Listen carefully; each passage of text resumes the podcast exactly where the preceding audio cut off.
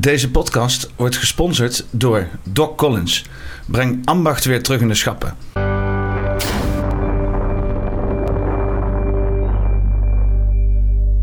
Nou, daar, zitten we dan. eh, bij podcast, eh, of poppenkast nummer 126. En eh, vandaag ben ik hier met Ray Terstal. Met, met twee L'en. Ja, ja dat, is, dat correct.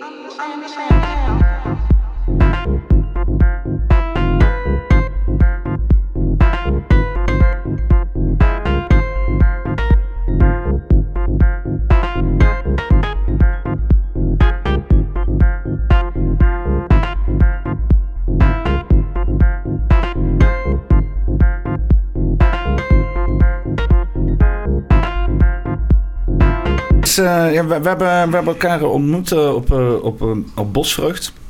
Klopt. En, en waarom was jij op Bosvrucht? Ehm, ik was op Bosvreugd om een gedeeltelijke muzikale invulling te doen van de avond. En ja, het is natuurlijk een vrijdenkersplek waar vrijdenkers elkaar ontmoeten. Dus eh, ja, jij was daar in eh, hoedanigheid met eh, de poppenkast. En ik had nog een aantal sprekers ook aangedragen. En waaronder ook de spreker van aflevering 125, Rutger Bos. Dus ehm, Wanneer je de vorige keer was. ja, ja, ja, dus ik vind het ook heel leuk dat je hem hebt uitgenodigd. Want het is absoluut een zinnige gast. ja. Die, die wel weet waar hij over spreekt. En ja, sowieso vind ik het initiatief van jou wel een, een goed initiatief. Ja, dat was een goed gesprek met Rutger inderdaad. eh, over trauma's. En, eh, want dat is natuurlijk wel een, eh, een hot topic nou. En ik ben er zelf ook een beetje mee bezig geweest. En ja, hij zit daar gewoon diep in. Dat is wel interessant hoe dat dan daar zo bij zo'n bosvrucht samenkomt. Want, want ik bedoel, vrijdenkersplek. Wat, waarom was je echt bij bosvrucht, zeg maar? Waarom bij bosvrucht en niet bij, weet ik veel, de, de generale markt in het centrum of zo? Nou, Bosvreugd is een plek, eh, dat gaat me eigenlijk aan het hart al eh, sinds de jaren negentig. Toen heb ik er wel eens eh, opgetreden, zeg maar. En ehm, ja, de plek is altijd wel ergens in mijn hart gebleven. Maar ik was, ik was de plek even uit het oog verloren. En ja, totdat ik weer even een keer contact had gezocht met de, met de eigenaar Joost. En ja, dat voelde als vanouds. En van het een kwam het ander. En in één keer was ik weer in beeld bij de Bosvreugd. Ja, en daardoor zijn wij ook op elkaars pad gekomen. En ehm, ja, is ook wel leuk. Hè? Er is een soort van vriendschap aan, het ontstaan, zeg maar. Omdat we over heel veel dingen toch wel hetzelfde denken.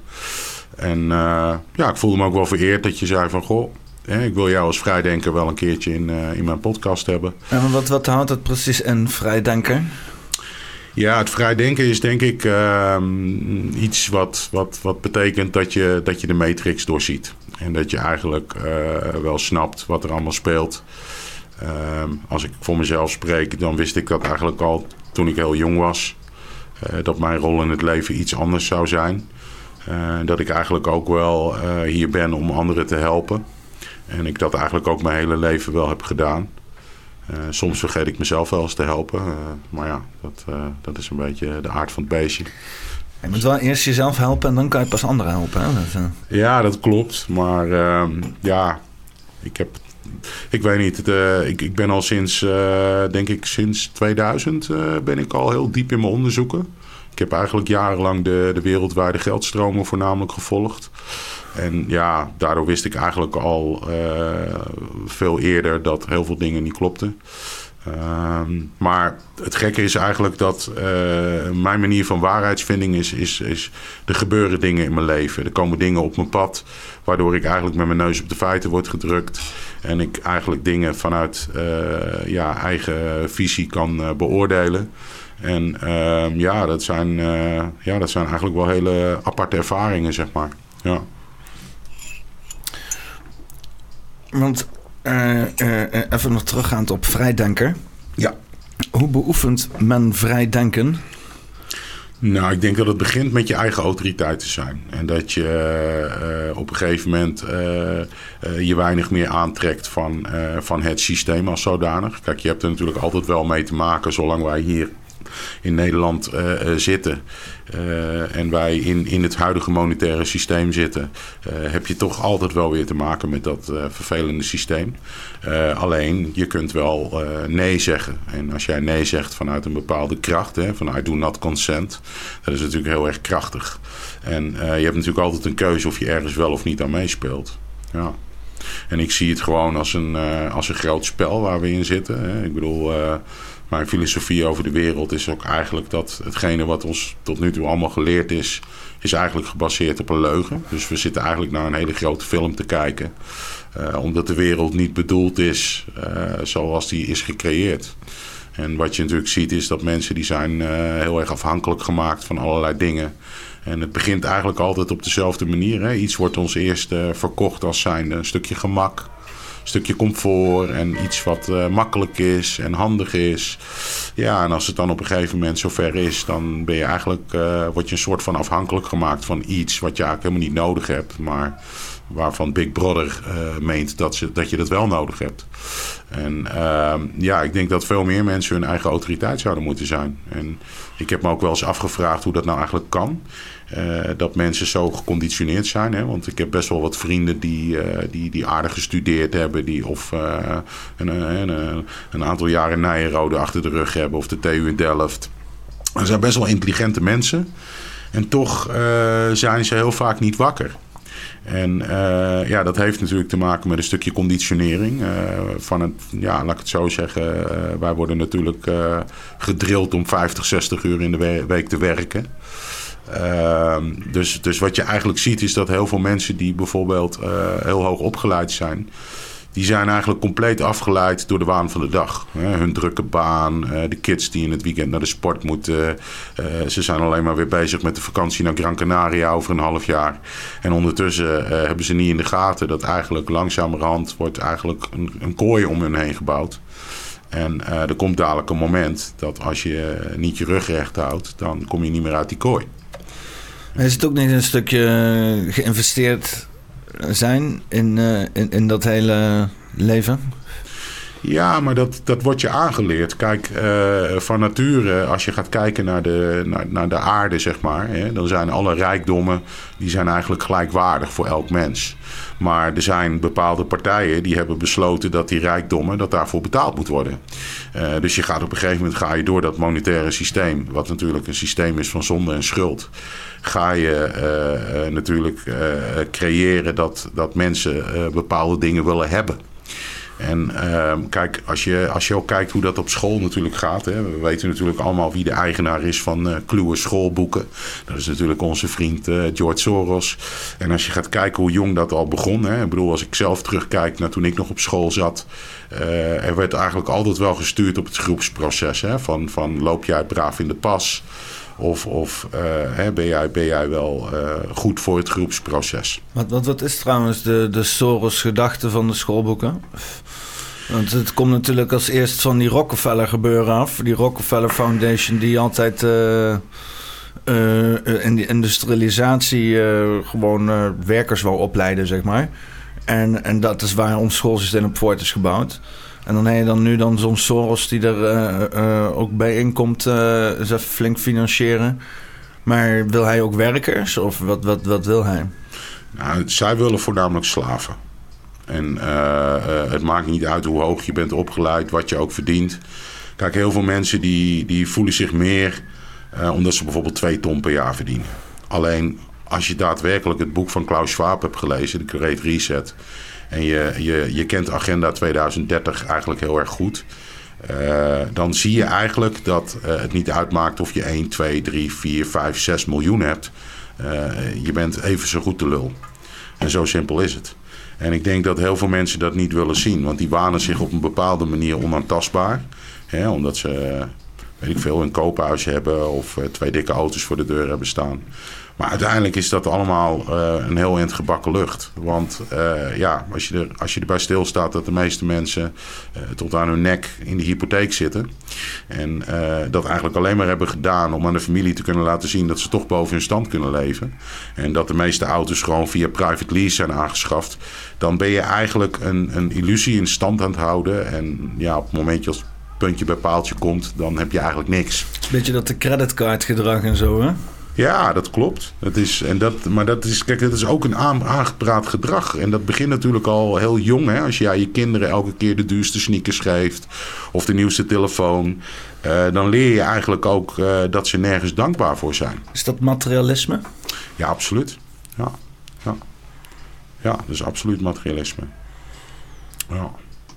Ja, want het is natuurlijk wel uh, een, een, dingetje wat de economie uh, draaiende houdt, hè, materialisme. Dat is wel, uh, en dat is, dat is vooral hier in Nederland, maar bijvoorbeeld ook Amerikaanse cultuur en zo. Prioriteit nummer één om de economie draaiende te houden. En, en daar moet, moet alles voor wijken. Want als de economie niet meer draait, dan wordt er geen geld meer verdiend aan de mensen die niet voor het zeggen hebben.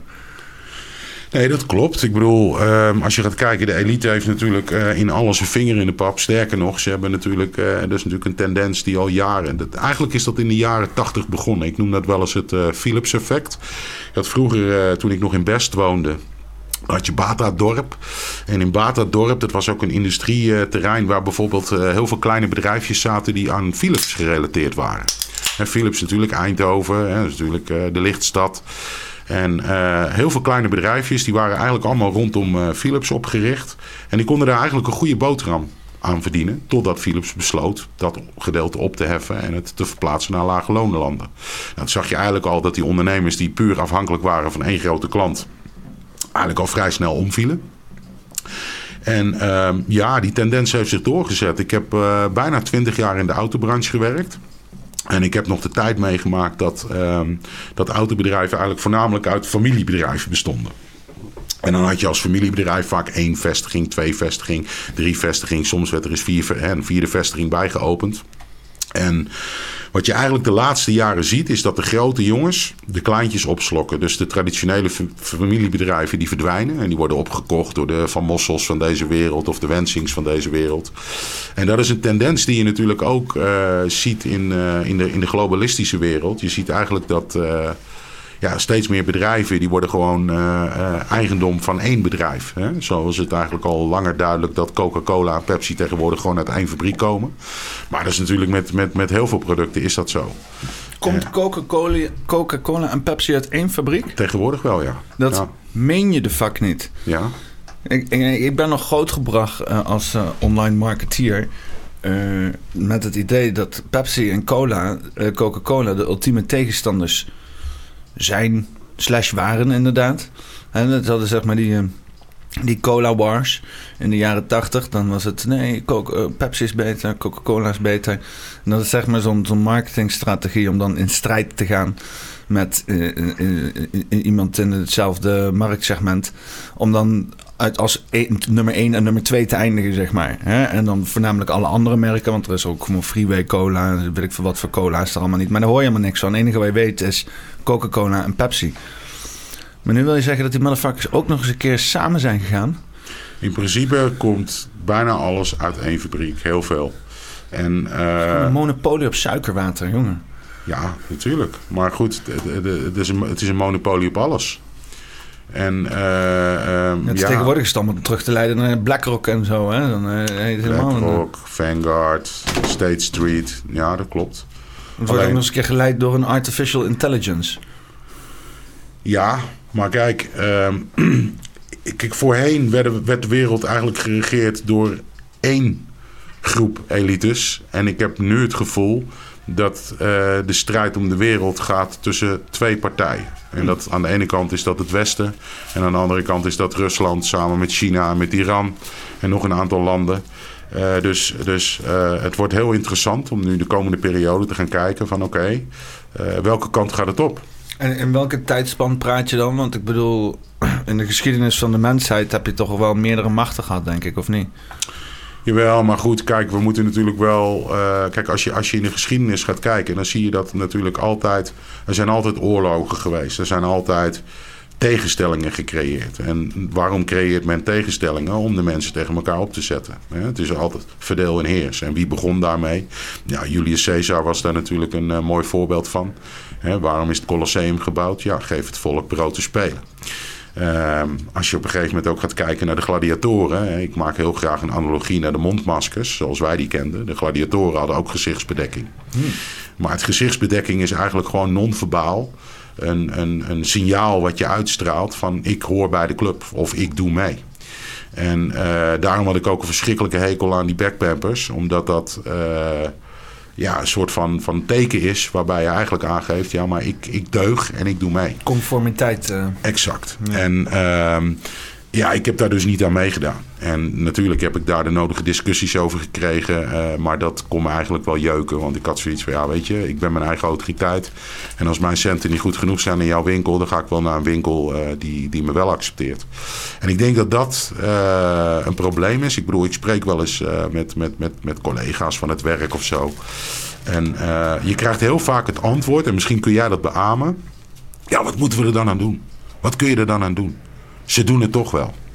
En uh, dat vind ik eigenlijk een, uh, een beetje een dooddoener. Want ik denk dan bij mezelf van, joh, waar zijn de 99% Wanneer besef je dat nu eens? Wij bouwen hun dromen, wij bouwen hun huizen, wij bouwen hun auto's, wij bouwen hun dikke, dikke boten, noem het maar op. Wij bouwen hun dromen, wij bouwen hun droomvilla's. Uh, maar ja, weet je, heel veel mensen die denken dan van ja, maar ja, het gaat toch wel gebeuren. Nee, als jij nee zegt, dat is heel krachtig. Het is hetzelfde als morgen 3 miljoen mensen zouden beslissen om geen belasting meer te betalen. En zouden stoppen met hun energierekening te betalen. En hun verzekering te betalen. Moet je eens kijken hoe ze in paniek zijn. Hypothetisch gezien dan, hè? ja, ja, jawel, maar toch. Kijk als, jij, uh, kijk, als jij de verandering wil zijn, dan moet je de verandering ook. Moet je, moet, moet je, moet je dat in eerste instantie zelf zijn. En uh, uh, ik denk dat wij uh, zo geconditioneerd zijn dat de meeste mensen zich drukker maken over wat een ander ervan vindt als wat ze er nou zelf van vinden. Hmm. En dan denk ik bij mezelf van ja, je, je hebt de staat toch niet overal voor nodig. Moet je op een gegeven moment ook de staat raadplegen als je je vriendin een beurt wil geven. Kom aan. Zijn uh, belastingen moraal, moreel?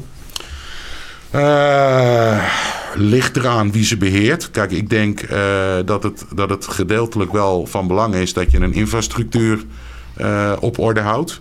met met, met ja, um, dat je toch allerlei faciliteiten hebt, zeg maar. En dat moet natuurlijk betaald worden en dat je daar collectief voor moet betalen. Dat vind ik ergens nog wel reëel. Maar als je kijkt wat uh, deze overheid doet, hè, neem eventjes een voorbeeld van het landbouwakkoord. Dat de overheid uh, eh, 26 cent op een pak melk wil gooien. En dat ze uh, ook weer extra belasting op vlees willen gooien. Ja, waarom is dat? Omdat ze ons van de zuivel en het vlees af willen hebben. Zodat we dadelijk die genetisch gemanipuleerde troep van hun gaan eten. Dus ja, kijk, als je dat eenmaal snapt dan weet je eigenlijk ook wel uh, hoe dit spel wordt gespeeld. Ja, want uh, hun uh, zeggen dan van ja, jullie moeten die genetisch gemanipuleerde troep van ons eten, want dan kan iedereen eten in de wereld. Ja, maar ja, waarom moet dan. Beetje heel beknopt het verhaal, zeg maar. Ja, en precies. 20, 30 uh, ja. SDG's-achtige tafereelen en zo. Ja, maar ik denk dat ze dan gewoon weer een stok hebben om je mee te slaan. Want dan hang je gewoon weer op een of andere manier aan hun infuus. En zolang jij aan hun infuus hangt, uh, kunnen ze macht op jou uitoefenen. Dat is het eigenlijk. En uh, ja, het is maar net hoe je daarmee omgaat. Kijk, mensen zeggen wel eens tegen mij: ja, maar hoe kun jij daar zo rustig en beheerst over zijn? Ja, dat is heel simpel. Je maakt uh, verschillende uh, bewustzijnsniveaus mee. Hè? Dat zul jij ook wel kunnen beamen. Je groeit. Ook, ook binnen het wakker zijn heb je verschillende gradaties. Dat betekent niet dat de een meer of minder is dan de ander.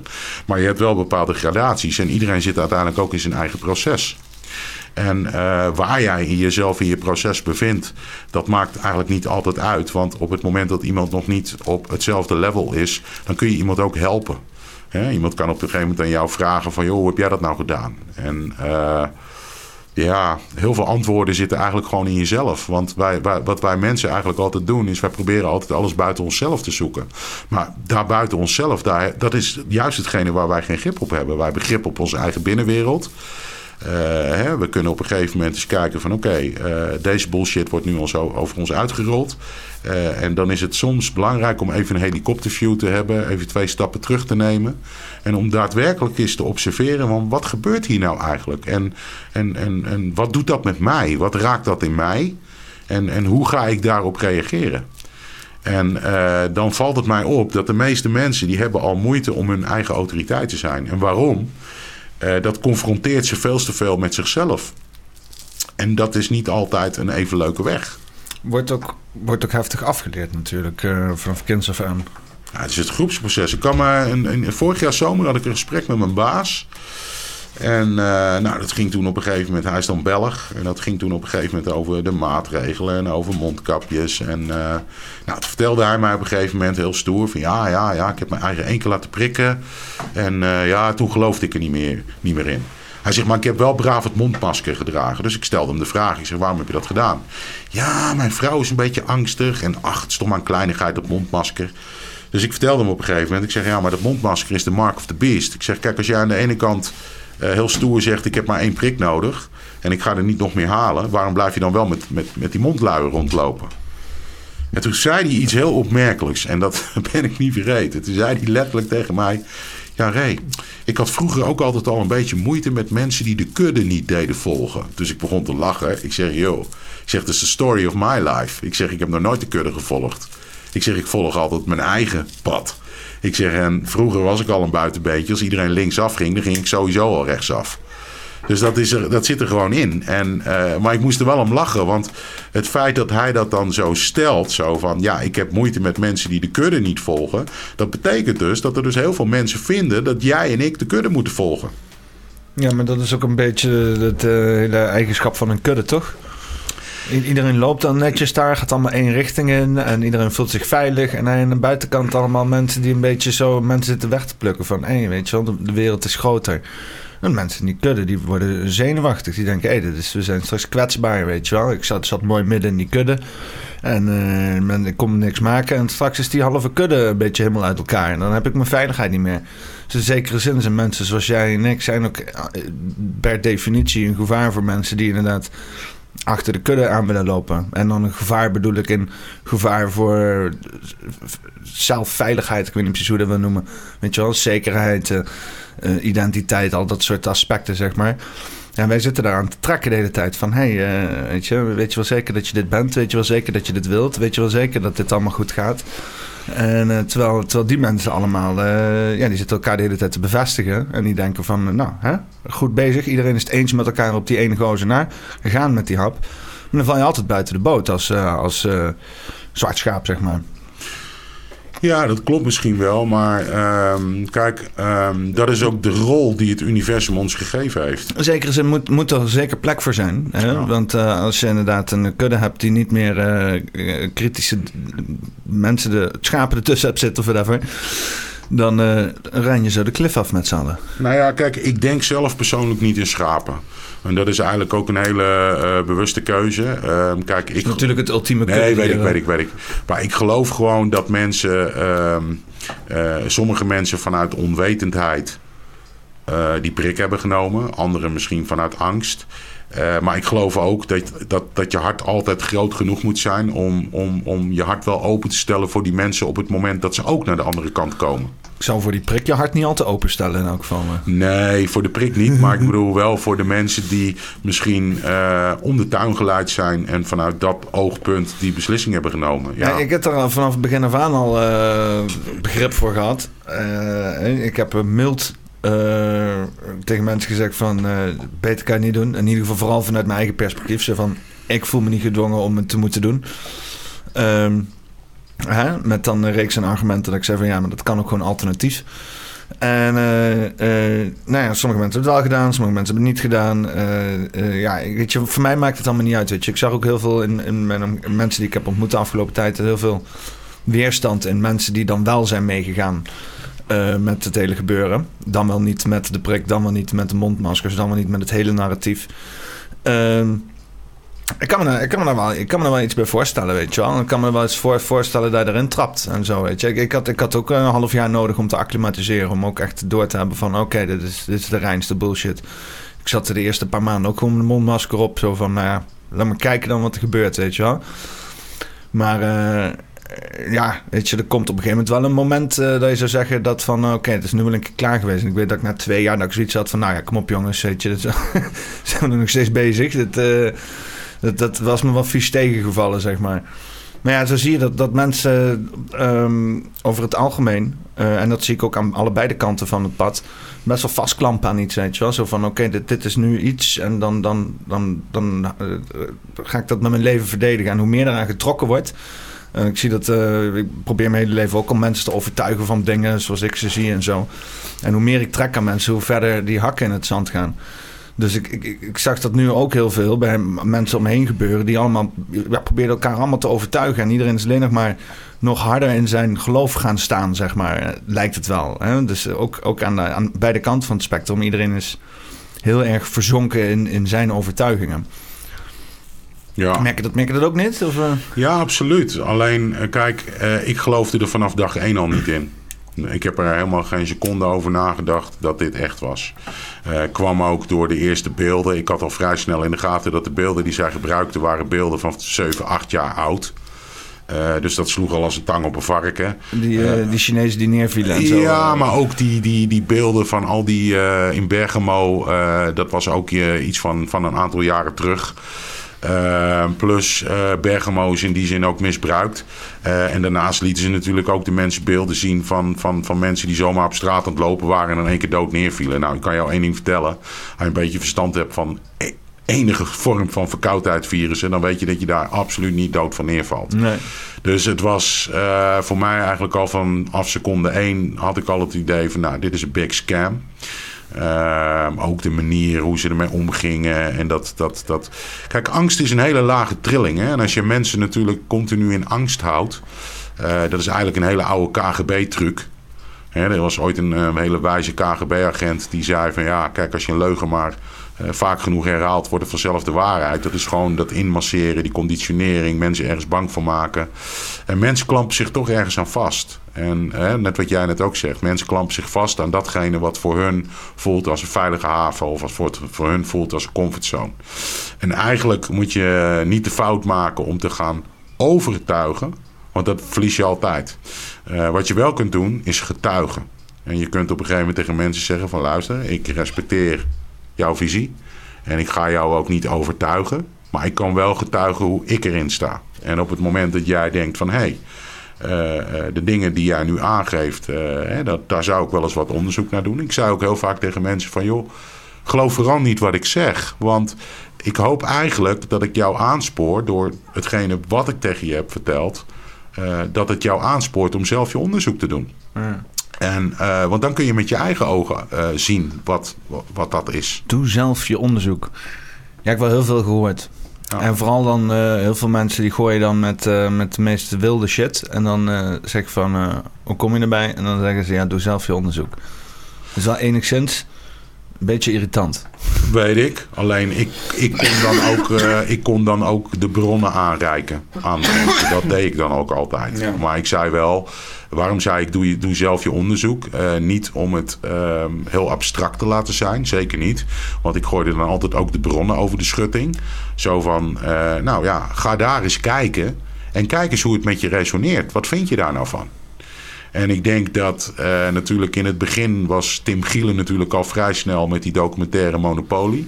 En wat ik heel knap vond aan die documentaire was dat hij het vanuit een objectieve zijde heeft verteld, het verhaal. Welke, welke documentaire? Uh, Monopoly van Tim Gielen. Die ken je wel natuurlijk. Uh, weet ik niet. Tim, staat gewoon op YouTube? Nee, hij heeft een eigen website. Dat is eigenlijk veel beter. Want op uh, YouTube zou die misschien gecensureerd kunnen zijn. Maar als je gewoon op zijn website kijkt. Dat is een hele bekende hoor, voor heel veel mensen. Dus uh, nee, je moet, je moet even op zijn website kijken gewoon. www.timgielen.com Even kijken, wie bezit de wereld? Nou goed, dat is dat verhaal.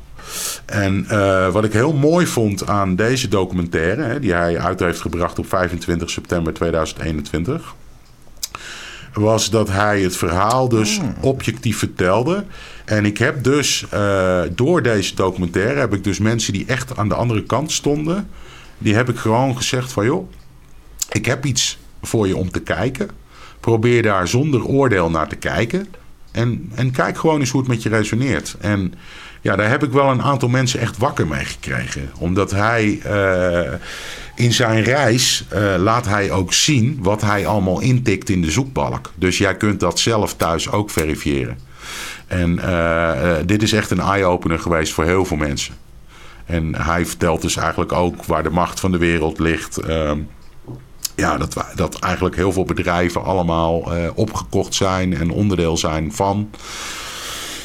Ja, dat eigenlijk. Ja. Dus uh, dat was heel, dit was een hele, dat was een, ja, dat was echt een supergoeie documentaire. Ja. Ja, want ja, natuurlijk, uh, we worden uh, dagelijks wijsgemaakt, verteld dat, dat het allemaal, ja, bijvoorbeeld door klimaat, hè, um, dat het nodig is dat wij uh, heel veel mensen ook hier opnemen. En weet ik voor wat. Uh, dat natuurlijk uh, de, de, de, de oneindige migratiestroom. die natuurlijk ook veroorzaakt is door verschillende oorlogen. die nog meer wordt gevoerd door allerlei belangen. vaak zijn dat die. Als je ziet het nu met bijvoorbeeld zo'n BlackRock. die nu een een bank gaat opzetten. een, een, een reparations bank gaat opzetten in Oekraïne.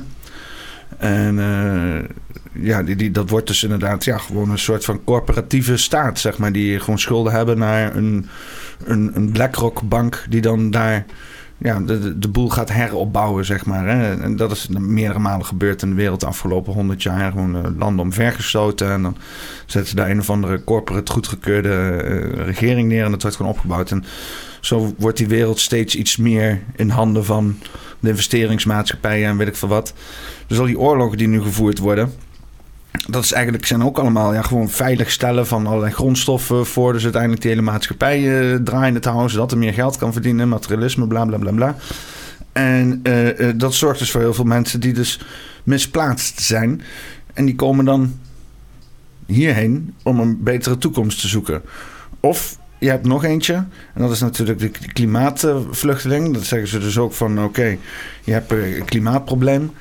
Uh, uh, de temperaturen die, die verhoogt. Wat, waar ook een hele hoop dingen over te zeggen zijn. Want ze zijn gaan meten na de kleine ijstijd. Dus het is nogal logisch dat de temperatuur dan oploopt.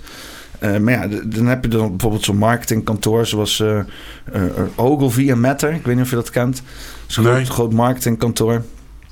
En die hebben dus voor de BP uh, in 2008 verzonnen dat uh, je met uh, een systeem zoals carbon footprint, of ja, het is eigenlijk gewoon een marketingterm, het probleem van, van vervuiling, van, van allerlei dingen die gebeurd zijn. van, want ja, uiteindelijk is dus die hele retoriek dat klimaat een probleem is van CO2. Nou, bedrijfs, bedrijven stoten veel CO2 uit. Die bedrijven zeggen van ja, gaan wij geen verantwoording voor nemen. Dus die hebben dat nu doorberekend aan de consument. Uh, een hele grote mindfuck. Van dus inderdaad grote bedrijven die zitten oorlog te vervoeren, zitten de wereld te vervuilen, zitten dat allemaal de schuld te geven van, van individuele mensen. Uh, en dat is allemaal gemarket, zeg maar, dat het allemaal zo, zo eruit ziet. Hè? Dat, is dan, uh, dat hebben ze helemaal met die carbon zo uitgewerkt. En, en, en uiteindelijk want het enige wat je zou willen als, als, als burger in Nederland, zou je zeggen van, nou ja, uh, hè, al die grote bedrijven moeten ophouden met de wereld vervuilen en met oorlog voeren. Nou, dan zijn we al halverwege, weet je wel. Dan, uh, dan kunnen we ons focussen op een hongerprobleem met de hele wereld. Klaar is Kees. En dat zeggen we dan al, weet ik veel, sinds de jaren zeventig of zo. Weet je wel, hippie movement, vrij blij. Laten we met z'n allen in vrijheid, vrede, vrede leven. Maar uiteindelijk zijn we nog 50 jaar als mensheid bezig om die bedrijven zoveel mogelijk vrijheid te geven om maar te doen en laten wat ze willen over de hele wereld. En, en nu hebben ze dus inderdaad samengeklonterd in dat hele WEF gebeuren en zo. En nu gaan ze dus helemaal de dienst uitmaken. Ze hebben dus geïnfiltreerd met politici en weet ik veel wat, het hele verhaaltje. En het gaat allemaal ons probleem worden. Weet je wel, um, um, al die mensen, Nederland moet inderdaad in die tri-state city verhouding een gigantische wereldstad worden. Uh, waar alleen maar meer mensen bij moeten. Hè? Dan zeggen ze van, oké, nou, uh, we hebben hier een stagnering in de bevolking. Er zijn alleen maar oude mensen, dus we hebben een hele hoop jonge mensen nodig. Dus die hele linkse partij vindt het allemaal goed dat er allemaal maar migratie hierheen komt. Iedereen komt hierheen. En er is er dus nu iets grappigs ontstaan, cultureel hier in Nederland. En dat vind ik wel grappig. Ik ben wel benieuwd wat je daarover vindt. Heb je dus al die dingen waar ik het nu over heb. Dus de economie spekken, dat, dat neo-liberalisme. Uh, uh, uh, uh, heeft dus inderdaad uh, een ubertolerantie ook in Nederland heeft ervoor gezorgd dat er dus heel veel vluchtelingen deze kant op komen. Allerlei verschillende culturen vanuit allerlei landen. Waarbij je donder op kan zeggen dat die landen conservatiever zijn als Nederland. Omdat Nederland gewoon een van de meest progressieve landen is. En die zijn hier nu en die zeggen van... hé, hey, dit land is veel te progressief, dit moet conservatiever. En waar dan uiteindelijk diezelfde mensen die ze binnen hebben gehaald... nu zichzelf in de vinger hebben gesneden. Die, die, die, die zitten nu op een, op een grote woke transgender tour parade te houden door Nederland... terwijl ze hier het hele land hebben volgestouwd met conservatieve moslims. Vind jij dat net zo hilarisch als ik? Ja, ja, ik vind het eigenlijk niet hilarisch. Ik vind het eerder triest. Want uh, kijk, laten we even beginnen bij het klimaat waar je het over had. Kijk, ik geloof maar dat is mijn overtuiging. En dat is niet dat ik iemand anders daarvan probeer te overtuigen, maar dat is hoe ik erin sta. Ik geloof dat klimaat een aangepraat complex is. Ik bedoel, er is nog nooit wat van die modellen uitgekomen. We kennen ons allemaal nog wel de zure regen herinneren en die kletsen allemaal. Gat in de ozonlaag. Gat in de ozonlaag. Kijk, uh, op het moment dat jij uh, een verhaal de wereld inbrengt, waardoor de burger zichzelf schuldig voelt dan heb je natuurlijk bereikt wat je wil. Hè? Want dan heb je natuurlijk gewoon een instant cash cow gecreëerd. Een beetje een nieuwe Bijbel. Ja, exact. En ik zie dat bijvoorbeeld ook al. Ik had het laatst met mijn eigen dochter een gesprek over. Ja, pap, ik ga dan maar één keer in de week vlees eten, want ik wil wat goeds doen voor het milieu. En ik wil wat goeds doen voor het klimaat. En ik wil wat goeds doen voor de dieren. Nou, heel nobel allemaal. Maar die jonge mensen, die wordt eigenlijk allemaal een complex aangepraat. He, dat is hetzelfde wat ons ook al jarenlang wordt verteld. De wereld is overbevolkt. Nou, ik heb nieuws voor je. Als 8 miljard mensen, als je die allemaal een kavel zou geven van een meter bij een meter. Dan heb je het over de provincie Noord-Brabant en de provincie Zeeland. Die volstaan met alle mensen van de wereld. Dus dat is ook een aangepraat complex. Uh, ja, en als je het dan hebt over, uh, over de asielzoekers, ja, daar zit in mijn beleving een hele andere agenda achter. En uh, daar, de, dat is denk ik ook wel een van de onderwerpen die we vandaag uh, aan gaan snijden: de, connecting the dots. wat is nou de link tussen de asielzoekers, tussen het onteigenen van de boeren en Triestijd City? En dat is, ja, daar heb ik wel een, een interessante filosofie over. Kijk, zij halen asielzoekers hier naartoe. En waarom doen zij dat? Nou, uh, ik weet dat uh, Nederland, uh, helaas is, is, is, is Nederland, zit bijna bij de top van de, corrupt, van de meest corrupte landen van de wereld. Sterker nog, Nederland is um, eigenlijk de, de, test, de test voor de rest. En uh, ik kan even. Een van corruptietest. Ja, nou nee, nee. Maar Hoe corrupt kunnen we het maken? Nou ja, kijk, ik zal je vertellen. Het hele 5G-project, Nederland was de pilot. En daarna zouden ze pas België en Duitsland gaan uitrollen. Nederland was de pilot. Als je het nu hebt over uh, de boeren. Uh, wij hebben de beste uh, landbouwsector ter wereld. Daar staan we ook onbekend. De meest duurzame, de meest innovatieve. En Nederland is het voorbeeld voor de boerenonteigener. Oftewel, als het WEF het voor elkaar krijgt om de Nederlandse boeren de nek om te draaien. dan is dat hun blauwdruk om dat ook op andere plekken te doen. En uh, dat is ook de manier waardoor ze dadelijk hun genetisch uh, gemanipuleerd voedsel naar voren gaan schuiven. Uh, zo van, ja jongens, kom het maar bij ons halen. Dus we maken ons wederom afhankelijk van hun. Maar ik denk dat, en daar moet je maar eens over nadenken. Kijk, als je die beelden ziet, hè, je ziet dat er 500.000 mensen in Italië aankomen. Mm. En die gaan vanuit Italië, gaan die heel Europa door. Ik zag vandaag zelfs beelden van mensen die, toeristen op een strand. En dan zie je gewoon hele horde, hordes asielzoekers zie je over die kust lopen. En ik denk dat die mensen allemaal onder valse voorwendsels hier naartoe gehaald worden. En uh, uh, wat helemaal frappant is, we zitten gewoon naar niet naar vrouwen en kinderen te kijken en naar gezinnen te kijken. We zitten naar mannen te kijken met een mobiele telefoon. En allemaal bijna met een moslimachtergrond. En dan denk ik bij mezelf, ja, dat, dat kan maar één doel dienen. Dat is uh, de omvolking in Nederland. Dat is, dat is tweestrijd zaaien. En uh, um, uh, dat, is, dat is eigenlijk niet eens heel ingewikkeld. Want de manier hoe ze het doen, uh, die is eigenlijk best wel doorzichtig. Want kun jij je voorstellen als jij allemaal mannen weghaalt, ik noem maar wat op, uit Ivoorkust of uit Iran of noem het maar op. Je haalt al die mannen daar weg. Dat betekent dat die mannen ook iets achterlaten daar. Dat betekent dat die mannen vrouwen en kinderen achterlaten. Dat betekent als op die locatie waar die mensen vandaan komen, daar de macht gegrepen moet worden dat dat heel erg eenvoudig zal gaan. Want de mannen zijn inmiddels aan de andere kant van de wereld. Mm. En uh, als je dan nu kijkt wat er in Nederland gebeurt. Kijk, uh, er wordt op dit moment wordt er heel erg hoog ingezet op, uh, ehm, op een conflict tussen de Nederlanders en de asielzoekers. Je ziet ook als er een incident is, dan zoomt de mainstream media, de corrupte mainstream media, die zoomt daarop in.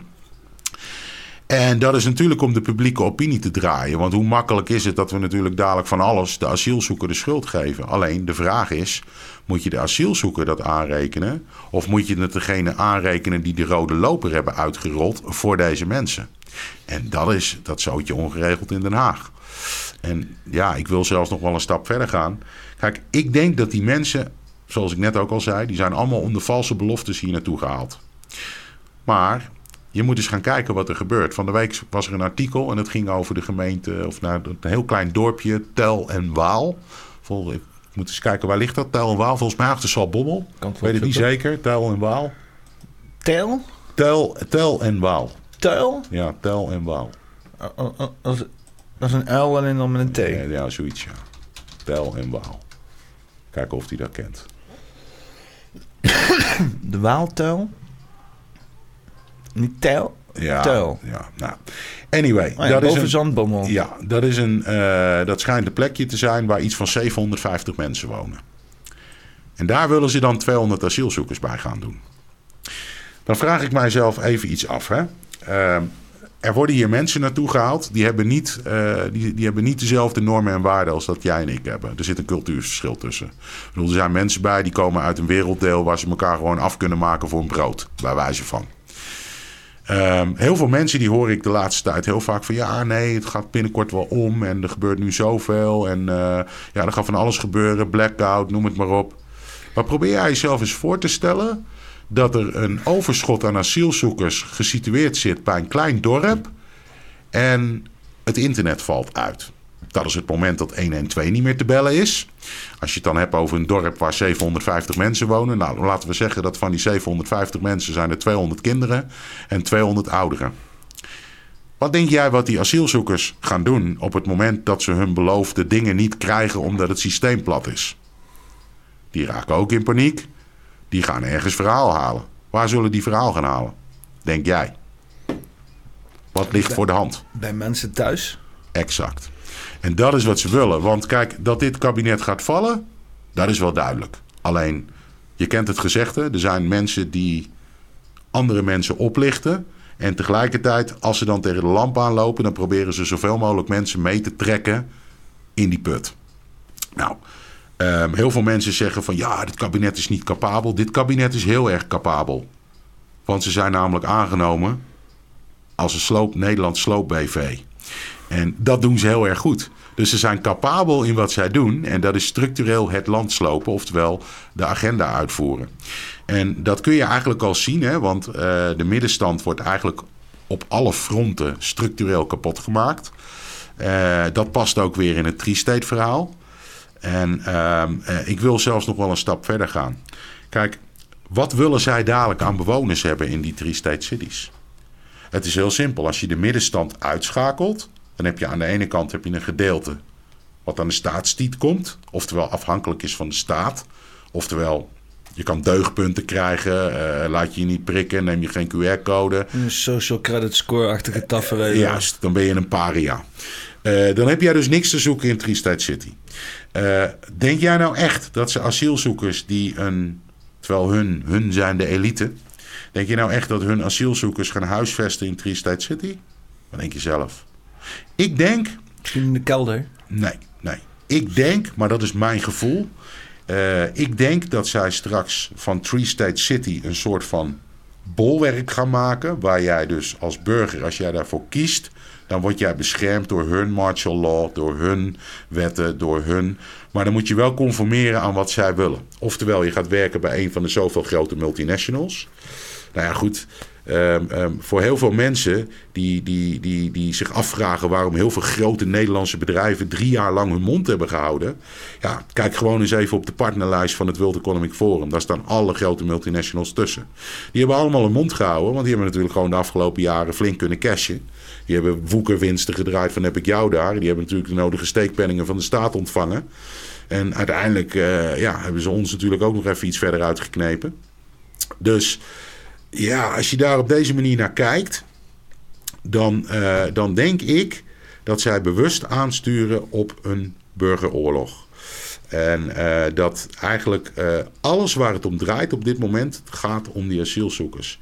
En Groningen is een afleiding. Het feit dat er morgen een belachelijk soort van debat gaat komen over het uitsluiten van FVD. Wat natuurlijk gewoon fascisme 2.0 is. Uh, want waarom zou je iemand uitsluiten die een andere mening heeft? Ik bedoel, uh, hè, dat, is, dat is natuurlijk te bizar voor woorden. Dat het gevaarlijk is. Ja, maar... Gevaarlijk voor de democratie.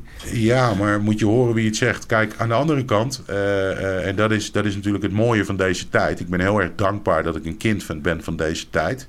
Want wij zijn eigenlijk uitverkoren om de grootste transitie ever gewoon bij te wonen.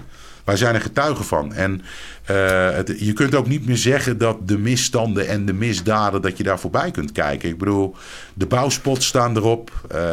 Het is in die open. En je ziet dus op dit moment worden de mensen afgeleid met de boeren, met Groningen, met uh, uh, klimaat, met al die bullshit. Daar worden we eigenlijk afgeleid. En Woke, ondertussen. Woke-agenda. Ja, zeker. Maar ondertussen, uh, elke dag dat die Afgehakte gast... geslachtsdelen. Ja, nou ja, goed. De hele dag mensen worden ja. afgeleid met afgehakte geslachtsdelen. Jawel, maar, maar probeer... Is jouw kind al van een andere gender? Ja. Ja, maar, maar probeer je eens voor te stellen uh, uh, dat elke dag dat die gasten langer blijven zitten, staan de grenzen hier open. En, uh, Staan onze grenzen sowieso al niet open als fuck, als Nederland zijnde? Dan moet je toch als Europa gewoon de hele gaat voor zijn zooi dekjakkeren? Ja, maar Europa is corrupt, dat weet je. Dat is allemaal één pot nat. Maar Nederland is het meest corrupt, toch?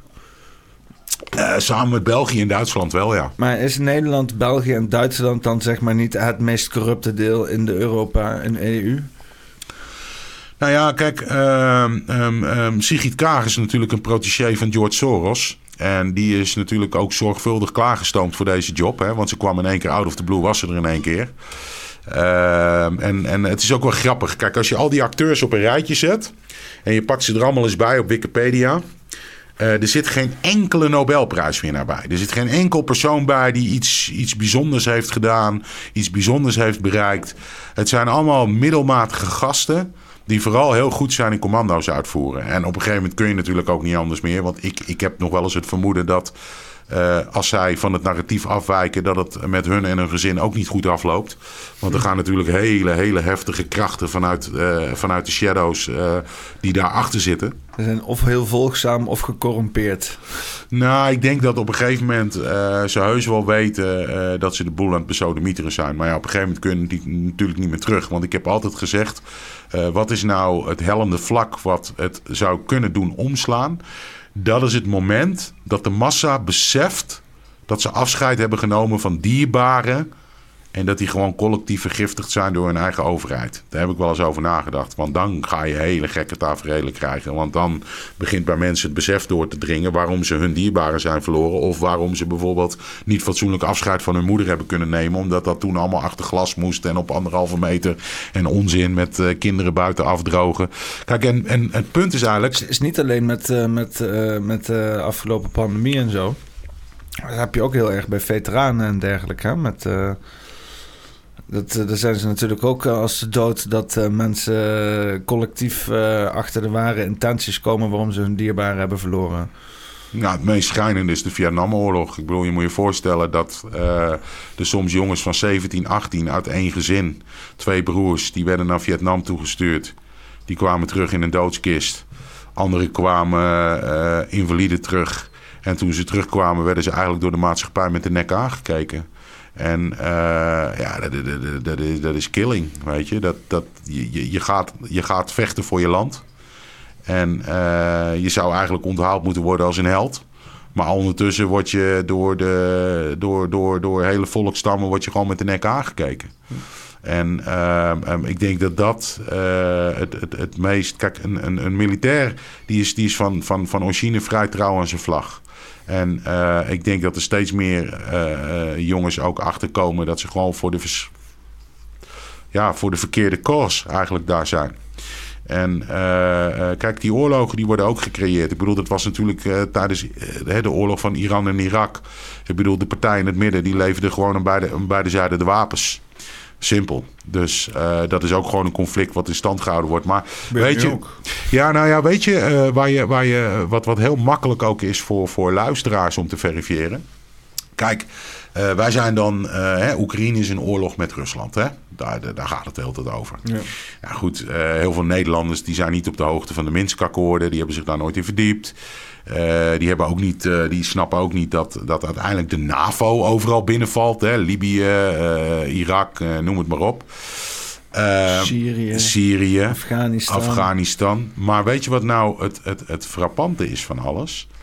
Er zijn iets van 194 landen aangesloten bij de Verenigde Naties. De Verenigde Naties is gewoon een NGO, dus daar is niks democratisch aan.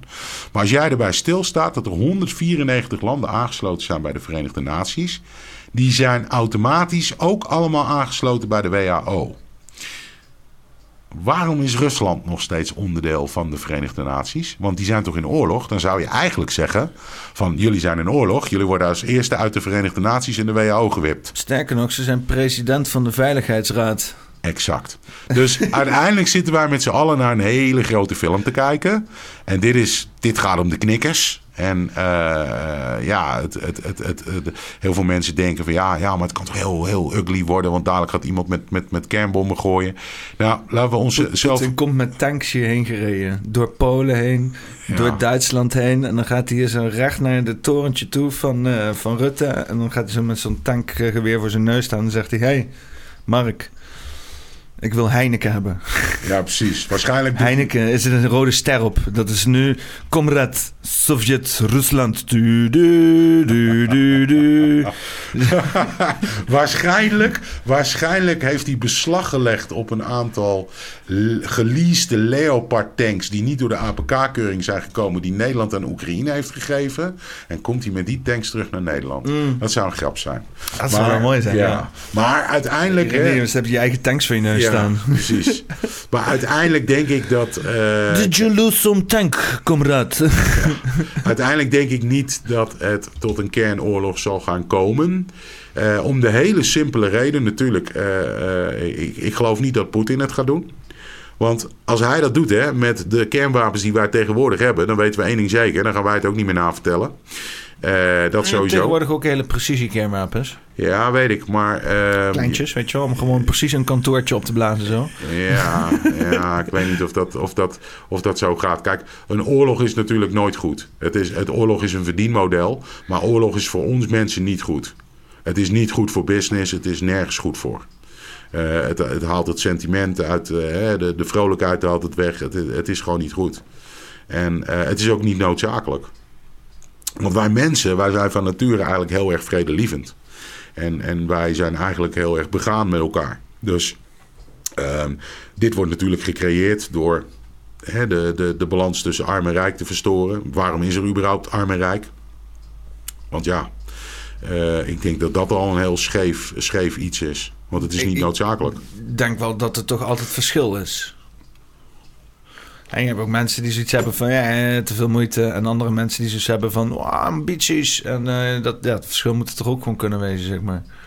Je mag wel ambitie hebben, maar eh, waarom zou jij jezelf meer voelen dan een ander? Ik bedoel, als je Poetin heet, moet je toch ook sanitair ontspannen? Je moet toch ook gewoon normale dingen doen? Oké, maar het is maar dan, dan net hoe je verschil meet, zeg maar. Maar je hebt het nou over, over, over welvaart. Vandaag de dag wordt dat toch wel berekend in credits, geld.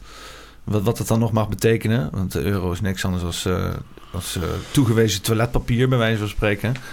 En eh, ja, als je, dat, als je dat gaat aftoppen, zeg maar. Als je gaat zeggen van jij mag niet meer als dit hebben of zo. Of dan, dan, dan, dan, dan ontneem je ook mensen de kans om gewoon echt ambitieus te zijn. Aan de andere kant, als jij... ja, ik, ik weet niet, weet je wat het is? Want heel veel... Ik heb het hier heel veel over in de Discord met mensen. En, eh, en eh, is, toch is toch ook wel een sentiment van... we leven helemaal niet in een, in een kapitalistische wereld. Wat, wat we nu hebben is helemaal geen kapitalisme. Want uh, als jij je in zekere industrieën wil gaan bemoeien, dan, dan mag dat helemaal niet. Je kan niet zomaar in de olie beginnen. Je kan niet zomaar in de drugs beginnen. Want God mag weten dat fucking alle overheden in de drugs zitten. Helemaal hier in uh, narco-staat Nederland. Maar uh, als je ook kijkt naar al die oorlogen die Amerika en inderdaad de NATO hebben zitten voeren. Het eerste wat beveiligd wordt gesteld zijn opiumvelden overal. Zo? Ja, nee, tuurlijk. Maar je moet gewoon kijken. Je moet, je moet soms gewoon goed observeren wat hier gebeurt. Kijk, Trump had natuurlijk die, die, die afscheiding tussen Mexico en, en Amerika laten bouwen. En ja, je ziet dat ze daar dus ook bezig zijn met het land te ontregelen door hele volkstammen door te laten. Dat is precies hetzelfde wat hier ook gebeurt. Want eigenlijk is die agenda van hun, die wordt overal één op één is die eigenlijk hetzelfde. Alleen in Nederland is hij wat extremer. En dat heeft gewoon te maken met, uh, met onze webpuppets. Uh, ja, heel vervelend dat het zo is, maar het is echt zo. En het is natuurlijk al heel raar dat wij Nederlanders accepteren dat onze eigen regering WOP-verzoeken negeert en procedeert op onze kosten tegen onszelf. Dus zoals ze het nu eigenlijk hebben gedaan, wanen ze zich een soort van untouchable. En, en, en, uh, maar ja, goed, weet je, uh, dat hele systeem is corrupt. En ze zijn ook op een corrupte manier aan de macht gekomen. Want ja, overal is het uh, Dominion Voting System en Ipsos. En dat vind ik dan altijd het meest komisch als er dan verkiezingen zijn. Dan zitten mensen, ja, heb je de, heb je de exit polls van Ipsos al gezien? Ja, oké, dat is een gemodelleerde poll naar de uitslag die zij willen. Zonder dat de stemmen überhaupt geteld zijn. Er staat met grote koeienletters, iedereen kan dat zien op Nederland 1 of 2 of waar dat dan op wordt uitgezonden. Ipsos Ipsos. Ja, Ipsos, powered by WEF. Ik bedoel, gaat er dan geen lampje branden bij mensen? Nee, dat lampje gaat niet branden, want men is geconditioneerd. En dat is... Als ik, als ik heel even de NCTV-agent mag uithangen... Want uh, ja, uh, en want dat zag je al uh, met, natuurlijk met, met de Trump-verkiezingen en zo in 2016. En dat, dat er ook al gewoon twijfels werden, werden gezet bij al water daar. Maar als er uh, twijfels werden gezet bij hoe het stemproces verliep, dan werd meteen de kaart getrokken van de mag niet dat je dat zegt, want dat is nogmaals slecht voor de democratie. Dat is gevaar voor de democratie. Hè? Dus, want het vertrouwen in het stemproces klinkt een beetje als zeg maar hetzelfde hoe de economie in elkaar zit. Weet je, wat maakt niet uit wat het geld waard is. En zolang het vertrouwen in het geld zolang dat er is, dan, dan, dan, dan, dan, dan werkt het, zeg maar. Hè? Zo, zo, zo lijkt de democratie ook wel een beetje opgezet te zijn. Hè? Uh, uh, uh, het vertrouwen in de democratie is schijnbaar meer belangrijk dan de daadwerkelijk functionerende democratie zelf. En dat, dat zie je dan terug, want als jij gaat praten van uh, iedereen moet nu zijn geld gaan pinnen en dan nee, dat is slecht, want banking, banking run. Uh, niemand mag meer zijn belasting betalen. Ja, dat kan je ook, uh, als je dat vaak genoeg en te veel invloed vanaf krijgt, ouwe mee krijgen en zo. Maar hetzelfde heb je dus ook met, hè, als je mensen inderdaad ontmoedigt om vertrouwen te hebben in de democratie, krijg je ook inderdaad allerlei, allerlei kaarten toegespeeld. Zo van, nee, nee, nee, wacht even, dat is, dat is gevaarlijk. Dat, dat mag niet. En vooral helemaal tijdens een, een, een verkiezingen zelf. Als je dan inderdaad gewoon gaat vragen van, hé, hey, maar hoe zit het met het stemproces? Is dat wel gevrijwaard? Is dat wel gewoon zo secuur als dat jullie zeggen dat het is? Uh, dan, dat zag je met vorige verkiezingen. Dan krijg je meteen naartoe geworpen van... oh nee, we willen de democratie ondermijnen. Dit is allemaal gevaarlijk. Hoe, ga jij ermee om? Uh... Nou ja, kijk. uh, ik, ik geloof al heel lang dat uh, verkiezingen worden gefraudeerd. En als, je, als je Amerika als voorbeeld neemt... de macht in Amerika is eigenlijk altijd gegaan tussen of het Pentagon of de CIA. Uh, toen Bush senior uh, president werd, die was daarvoor de directeur van de CIA. Dat was eigenlijk de omslag dat, dat, dat men uh, weer van een Pentagon-regering naar een CIA-regering ging, met alle gevolgen van dien. Ehm, dus die verkiezingen die worden eigenlijk altijd op een bepaalde manier gemanipuleerd. En daar zit natuurlijk een hoop macht achter, die eigenlijk alleen maar rijker willen worden. En uh, dus ja, ik, ik, ik ben daar wel van overtuigd. Maar uh, ik, ik neem mensen niet serieus die het woord democratie in de mond nemen, terwijl ze aan de andere kant willen uitsluiten. Want een democratie houdt in dat jij en ik kunnen verschillen van mening en dat het volledig oké is. En dat je altijd, en dat je in sommige gevallen tot een compromis komt, of noem het maar op. Wat je nu ziet, is dat de kartelpartijen, die gaan de, uh, die eisen bijvoorbeeld dat een, uh, een ongehoord Nederland of een Forum voor Democratie of een PVV, die zijn eigenlijk hun tegenstanders aan het elimineren. Uh, dat is eigenlijk hetzelfde wat Zelensky ook heeft gedaan in Oekraïne. Maar goed, als jij de, de tegenpartij uitschakelt. Ja, kijk, als jij, een, uh, als jij de Champions League gaat spelen met Real Madrid. En Real Madrid moet in de finale tegen Manchester City. En je zet Manchester City, die uh, mag niet spelen. En je kan, nou ja, je de beker meteen aan Real Madrid geven. Dat klopt. Maar uiteindelijk werkt dat zo niet. En zij gaan nu hun hand overspelen. Want als je nu gewoon kijkt, er gebeuren te veel dingen achter elkaar. Uh, ze zijn nu ook een soort van in paniek. Dat zie je ook, want alles gaat in een versneld tempo. Maar door dat versnelde tempo maken zij ook fouten. Alleen, zij staan nu op een, op een, op, op een podium in de schijnwerpers, waarbij dit goed zichtbaar is. En inmiddels beginnen meerdere mensen ook wel wakker te worden, want het begint hun nu ook te raken. En een van de redenen waarom men ook Nederland heeft uitgekozen om dit uit te rollen, is wij zijn best wel een volk van eigenheimers. En uh, wij hebben nogal snel de neiging om onszelf alleen maar druk te maken over onszelf. En echt zoiets te hebben van: oké, ben ik mijn broeders hoeder? Uh, dus dus het, is, het is heel makkelijk om die verdeeldheid in Nederland te zaaien. Plus, je moet ook realistisch zijn: die omvolking. Die is natuurlijk al begonnen eerst in de jaren 50 met de mensen die uit, uit Nederlands-Indië kwamen. Uh, daarna kwamen natuurlijk de Turkse en de Marokkaanse gastarbeiders. De Surinamers en de Antillianen, die natuurlijk al heel lang ook in, in, in Nederland zijn. En ja, dat wordt eigenlijk alleen maar groter gemaakt nu. En ja, wat je dadelijk gewoon krijgt, is dat steeds minder mensen zichzelf Nederlander voelen. En uh, kijk, ik ben iemand die heeft nog nooit gediscrimineerd in zijn leven. Want ik, uh, ik, ik geloof niet in verschillen in huidskleur en noem het maar op. Ik geloof wel dat er verschillen zijn in cultuur. En ik geloof wel dat als jij uit een uh, werelddeel komt waar jij elke dag moet vechten om te overleven. En je komt in één keer in een welvaartland als Nederland. dat je misschien die welden wel helemaal niet kunt dragen. En uh, uh, dan krijg je hier. Ook, ook, niet als je gewoon proper ingeburgerd wordt? Dat zeker. Alleen uh, dat is niet hun intentie. Want waarom halen zij alleen maar mannen weg uit andere werelddelen? Waarom halen zij alleen maar mannen weg? Nou ja, een inburgering slaat momenteel helemaal nergens op. Dus dat is ook. Uh, dat is ja, maar als jij arm bent, ja, jij hebt niks. Ja, jij komt uit een uh, arm continent en je loopt de hele dag op blote voeten. En uh, nou ja, noem het maar op. je, moet, je moet een beetje van de natuur leven, et cetera, et cetera. Waarom hebben die gasten allemaal een smartphone? Hoe dan? En waar komen de meeste van die gasten eigenlijk vandaan? wat is het? Uh, is Noord-Afrika en shit, toch?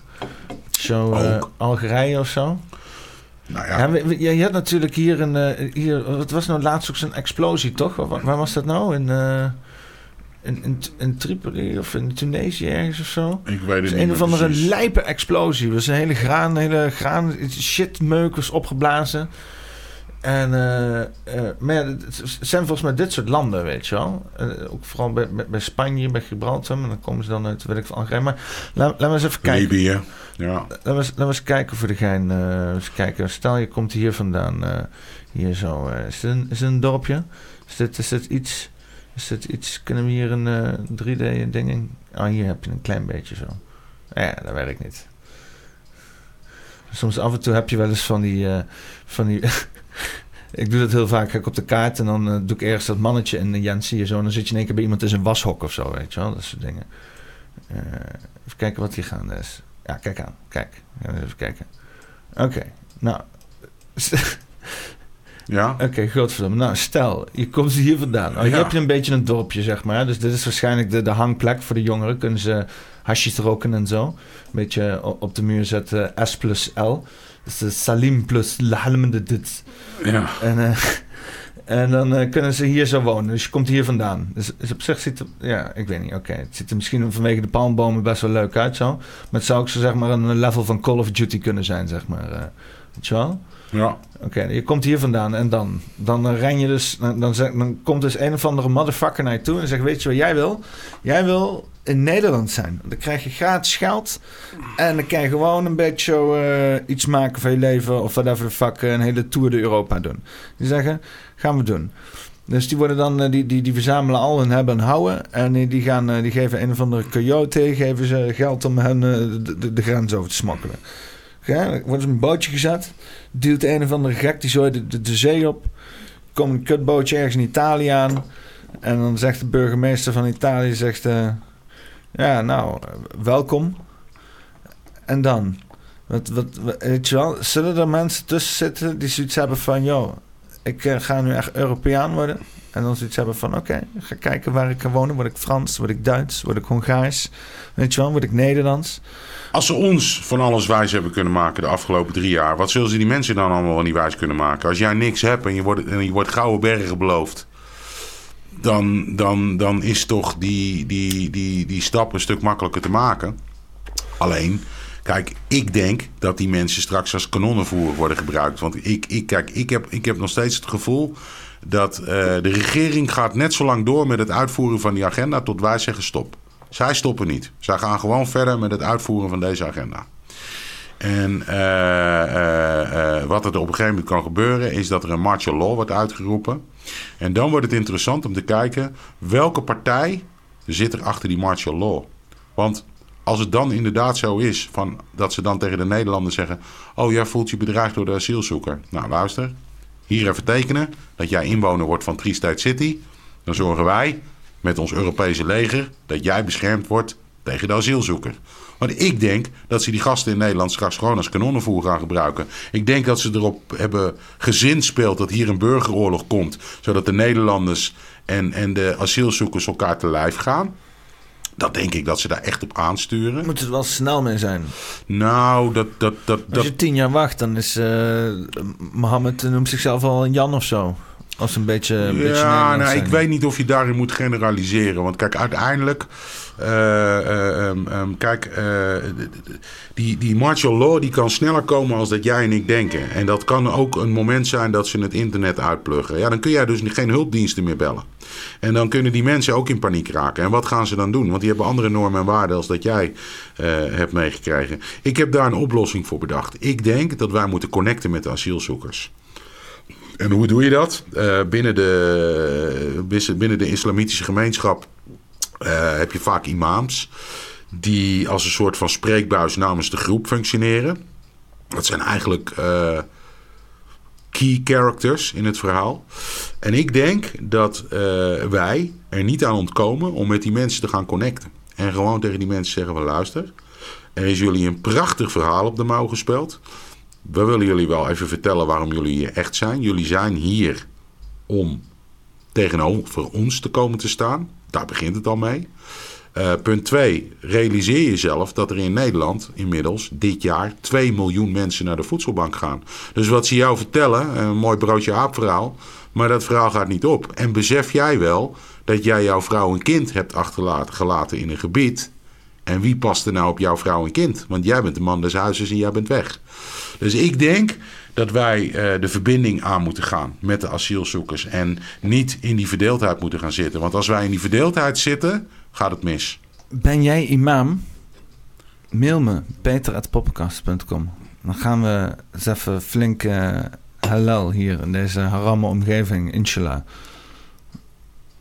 Ja, maar dan moet je het wel Maar doen. ja, je ziet dat FVD bijvoorbeeld nu toch bezig is met zo'n conservatieve alliantie van eh, hè, conservatieve moslims en conservatieve Nederlanders om die samen te brengen onder één hoedje, zeg maar. Wij moeten stoppen met hokjes denken.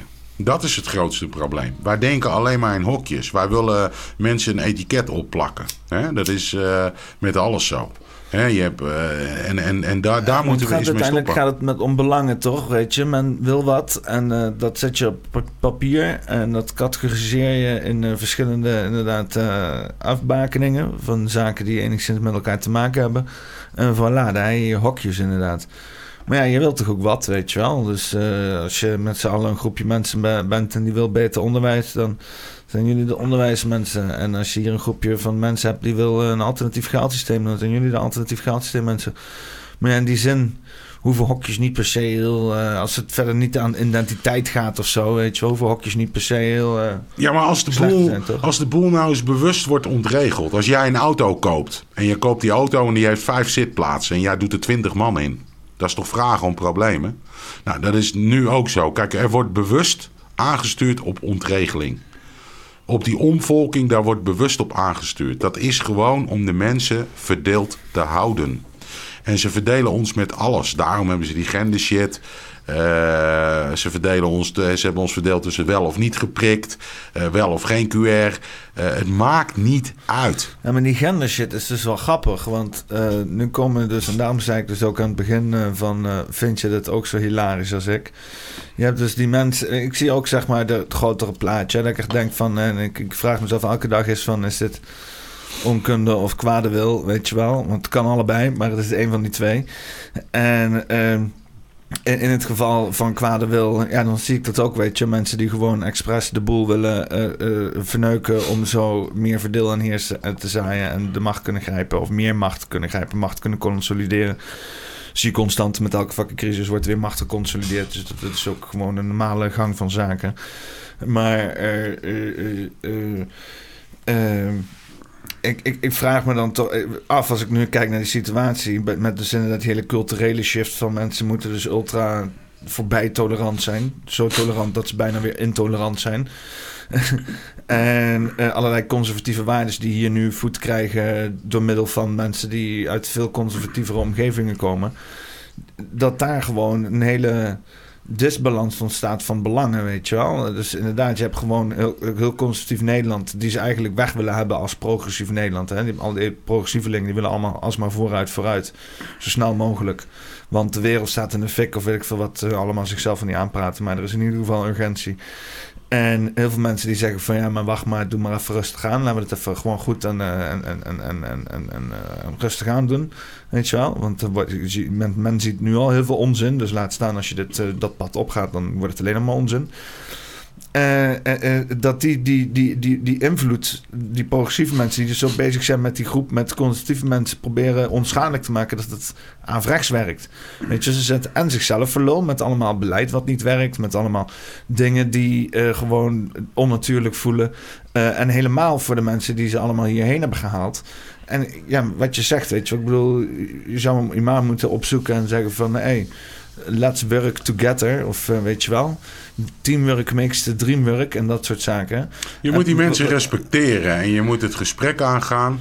En je moet ze bewust maken van het feit dat ze voor de gek worden gehouden. En dat ze niet ons als de vijand moeten zien, maar die gasten in Den Haag. Ja. Maar denk je niet dat het al wel een beetje gebeurt hier en daar? Nee, dat denk ik niet. Nee, te weinig. Kijk, je ziet natuurlijk nu elke dag negatieve berichtgeving rondom dat uh, Ter Apel-verhaal. Wat je dan ziet is uh, filmpjes van uh, blanke kinderen die wegrennen. Een donkere meneer die heeft een tas gestolen. Nou, daar wordt natuurlijk gigantisch op ingezoomd. En het wordt 2500 keer gedeeld op alle socials. En daardoor creëer je eigenlijk al bij iemand die aan de andere kant van Nederland naar dat filmpje zit te kijken een bepaalde haat jegens. Uh, een bepaald vooroordeel. Dus die mensen worden allemaal over één kamp geschoren. Het zijn allemaal criminelen, het zijn allemaal verkrachters. Uh, hè, er wordt heel slecht over gesproken. Want ja, hou die verdeeldheid erin. En uh, wat is dan de andere kant? Dat is dan weer de staat. Die zeggen dan: ja, maar als jij echt eigen rechten gaat spelen als Nederland, dan treden wij heel hard op tegen jou. Dus uiteindelijk word je, uh, als je daartegen wil ageren, word je eigenlijk weer een soort van met je rug tegen de muur aangezet. Dat je geen keuzes hebt. Want als je het wel doet, dan ben je strafbaar. Nou, ik denk dat, uh, uh, die, dat het gros van die mensen niet weet dat ze hier onder valse voorwensels naar het zogenaamde beloofde land zijn gehaald. Maar ik denk dat het allemaal samenhangt met de omvolking, de boeren en Three State City. Heel simpel. En uh, waar ik zelfs aan zit te denken is uh, dat wij zijn outlaws, wij zijn paria's, wij gaan nooit meedoen aan de bullshit. Uh, dus wij zullen straks buiten Tree State City komen te leven. En ik denk dat dat een soort van surrealistische Mad Max-achtige uh, wereld gaat worden. Wasteland. Ja. ja. grappig is, ik heb al een tijdje zo'n scenario in mijn hoofd inderdaad... van een of andere lijpe superstad, een paar over de hele wereld. Waar je dan... Uh... Ja, een papiertje, sorry, want het, even, ik heb die hooikoorts weer. Ja, ja, ja, en in de keuken heb ik een hele keukenrol klaarstaan. En een beetje, neem meteen even het biertje mee of zo. Ik neem een biertje voor jou mee. No words. dan ga ik heel even, als je misschien hoor je me op de achtergrond mijn scenario schetsen. Uh, uh, een, soort van uh, gigantische megacity eh, met, met, met allerlei eh, voordelen. En dan kun je dan gewoon op inloggen met je Google-account of weet ik veel wat voor shit, weet je wel. Oh, horen we, horen een city op de achtergrond? ik, hoorde, ik hoorde gewoon tippelen door de woonkamer.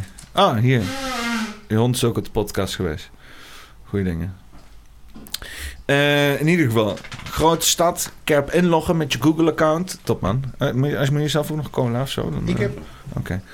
Grote stad, kerp inloggen met je Google-account. En dan, uh, je hebt zo'n zo'n scenario. Ken je Futurama? Nee is zo'n cartoon van Matt Groening, die ook de Simpsons maakt. En uh, die heeft echt zo'n drie seizoenen of vier seizoenen, maar dan is het afgelopen, jammer. Maar uh, dan gaan ze naar zo'n bureaucratische stad. En dat is gewoon één grote betonnen bunker. En dan voordat ze er binnenkomen, moeten ze eerst in een rij staan. Dan moeten ze naar loket 1 en loket 2 en loket 3. En dan moeten ze zich in, inchecken en dan al dat soort shit. Zo zie ik me dat voor. Als je dan nog nooit die stad bent binnengegaan, dan moet je dus eerst helemaal ja, en, gevaccineerd worden natuurlijk. En gechipt worden. En je krijgt tattoos met, met, met pincodes erop. En zodat je helemaal gescand bent. En je moet je VR-bril op en weet ik veel wat allemaal niet. En uh, nou, dan, dan kost wat, maar dan heb je ook wat. Kan je alles gratis in die stad krijgen. Kan gewoon er doorheen zweven. Je krijgt credits door, weet ik veel, afval op te rapen. Of weet ik veel wat. Uh, door uh, oma's over te steken. Kan gewoon geld verdienen zo, weet je wel. En dingen zweven om je heen. En het ziet er allemaal heel mooi uit. Totdat je bril afzet. Dan is het gewoon één grote saai bende. Maar zolang je bril ophoudt, is het allemaal mooie shit. Dan kun je van alles doen. Kan je daar je shit verkopen. Kan je, weet ik veel. Stel je doet in de wastelands, doe je, weet ik veel iets maken wat, wat binnen die stad verkocht wil worden. Wat legaal is natuurlijk, want anders krijgt de stad helemaal niet in. Dan, uh, dan kan je dat daar uh, doen. Hè? Gewoon, maar dan moet je wel helemaal gechipt zijn en weet je wel, helemaal. En dan je dus inderdaad ook daarbuiten dat inderdaad een soort van, van, van, van wasteland hebt. Van shit die gewoon allemaal maar chaos. Mensen reguleren zichzelf. Een soort van um, um, libertaire libertaristische droom. In zekere zin, als je snapt wat ik bedoel. Ja, nou ja, het komt heel erg overeen met het transhumanisme natuurlijk. Kijk, ik geloof heilig. Ik, ik, ik, ik heb altijd iets gehad met de native Indianen. Daar heb ik altijd een hele grote verwantschap mee gevoeld. Ehm, ook omdat die gewoon sowieso altijd op hun lichaam vertrouwden. En als zij iets namen van de natuur, dan, dan waren ze daar altijd dankbaar voor. En dat kwam eigenlijk altijd goed terecht en er werd eigenlijk nooit misbruik van gemaakt. Dus wij mensen, wij uh, uh, hebben eigenlijk een ontzettend goed functionerend lichaam. Dus hoe verder wij van ons innerlijke kompas worden gedisconnect, eigenlijk als het ware, uh, ja, hoe beter wij programmeerbaar zijn. En ja, dan, dan ben je dus gewoon de ideale perssinezappel. En ja, kijk. Ehm, ik, ik, ik denk niet dat wij daarvoor zijn bedoeld. Als maar, zodanig. Die, die situatie, die je ook gezegd van Tri-State City en de rest een soort van Mad Max reality. Een beetje die, die grote stad, weet je wel. Die, die, die Google City, die whatever the fuck het gaat zijn. Mega City. Uh, en daarbuiten heb je zeg maar gewoon ongereguleerd gebied. Ja. Het wordt gewoon ja. dat zo van zoek het allemaal ja. lekker uit. Is dat niet, want je kan het zien als van, oh nee, uh, weet je wel, er wordt hier een gigantische megastad gebouwd, we gaan er allemaal intrappen. Als in van, haha, ze gaan ons eindelijk met rust laten. Ze consolideren zich naar één super efficiënt stuk. En dan kunnen wij gewoon uh, aan de zijkant gewoon doen whatever de fuck we willen. Nou, ik denk dat ze ons dat niet gaan gunnen. Ik denk dat je dan... Uh ja, allerlei bounty hunters krijgt, allerlei gekke Wild. Omdat uh, ja, je, je leeft in een, in een anarchistische wereld. Uh, kan je eigen beveiliging regelen, toch? Nou, dat zal wel heel belangrijk zijn. En ik denk dat de mensen die hun eigen autoriteit zijn... ook bereid zijn om hun dierbaren op een bepaalde manier te beveiligen. Alleen het is eigenlijk al bizar dat je daar überhaupt over na moet denken. En je moet het er ook niet te vaak over hebben, want dan manifesteer je die werkelijkheid ook nog eens een keer. Want kijk, nog steeds heb ik het gevoel dat wij dit uh, gaan winnen. En dat uh, zij nooit hun, hun hele agenda uit kunnen rollen. Kijk, uh, ik, ik, ik, ik, ik denk heel vaak terug aan uh, de woorden van Klaus Schwab. Hè? we have to prepare for a more anger, angry world. Uh, dat is eigenlijk de wereld waar we op dit moment leven. Maar dat komt omdat hun het creëren. Hè? Het is een beetje het uh, klassieke verhaal van wij creëren een probleem. En daarna presenteren we de oplossing.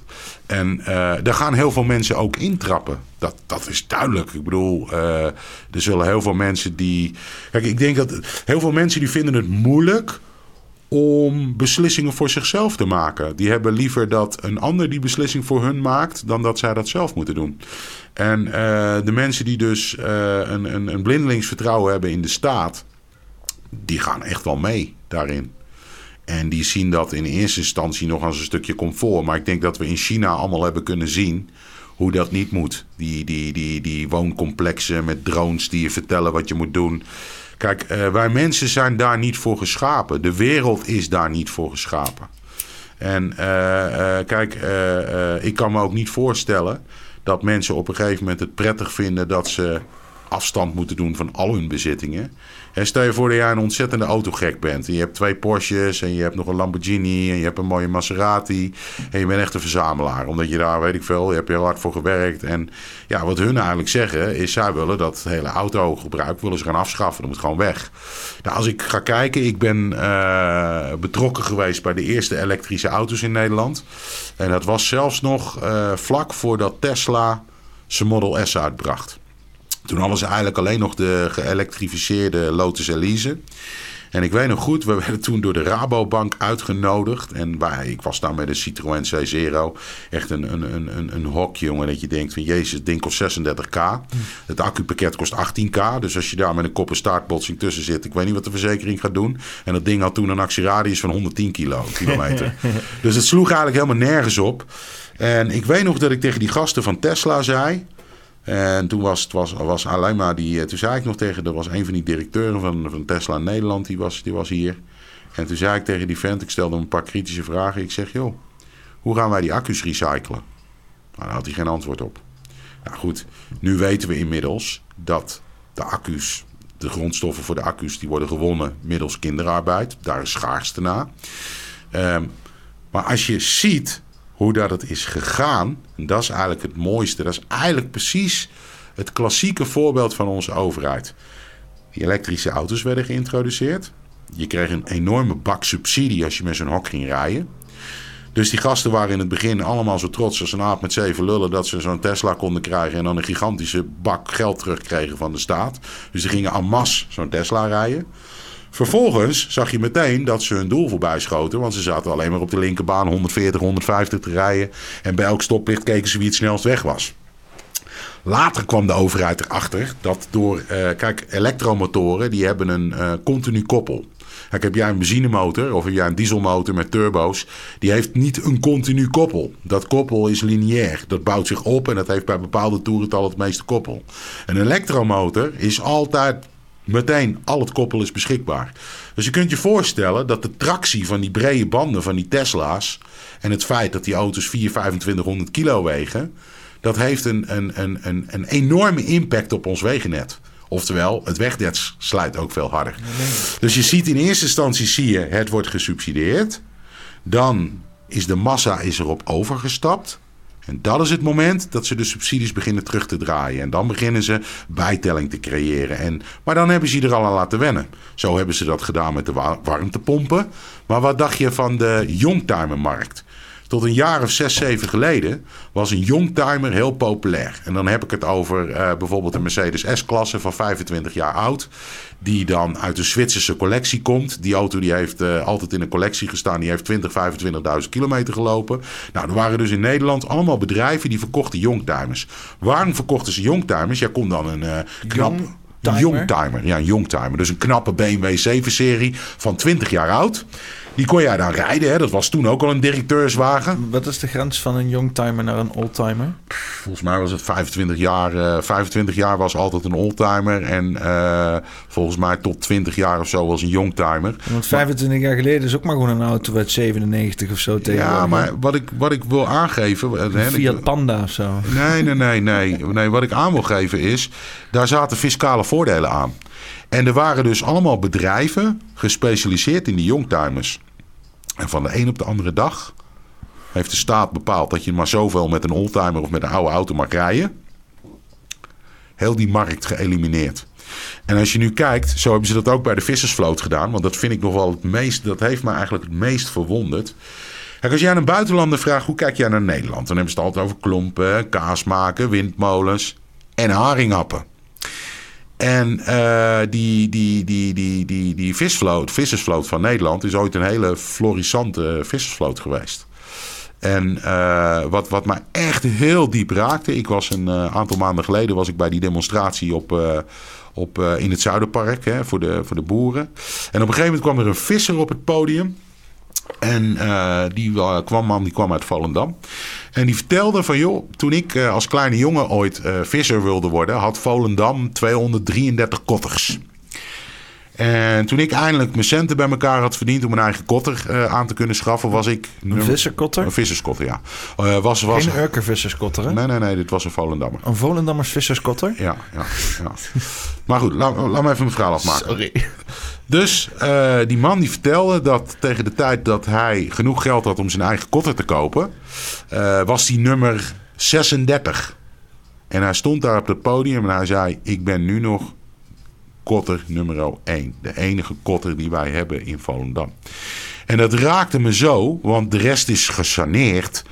En gesaneerd onder allerlei bullshit-regels. Want je moet je voorstellen, kijk, die motoren die in die visserschepen zitten, die moeten allemaal aan tiernormen voldoen en emissie-uitstootnormen. Want ja, tuurlijk, weet je, hang er maar weer een stok aan waar je mee kan slaan. En uh, nou ja, goed. Dus die gasten werden helemaal de kop gek gemaakt. Dan moet je je voorstellen dat een gemiddelde dieselmotor die in een viskotter ligt, zo'n motor kost gewoon bijna 100.000 euro. Dat is een hele hoop geld. Dus als jij op een gegeven moment door regelgeving die vissers helemaal de kop gek gaat maken uh, dat die mannen door de bomen het bos niet meer kunnen zien. Dat ze een superschone motor moeten kopen, et cetera, et cetera. Ja, niet iedereen trekt even een ton uit zijn zak. Dus ze hebben gewoon door absurde regelgeving...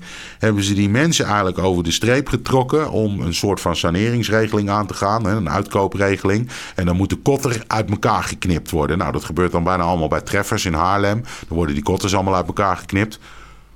Maar nu komt men erachter dat heel veel van die vissers die daarin meegegaan zijn die krijgen hun geld gewoon niet van de staat. Want ja, hey, met criminelen kun jij niet onderhandelen.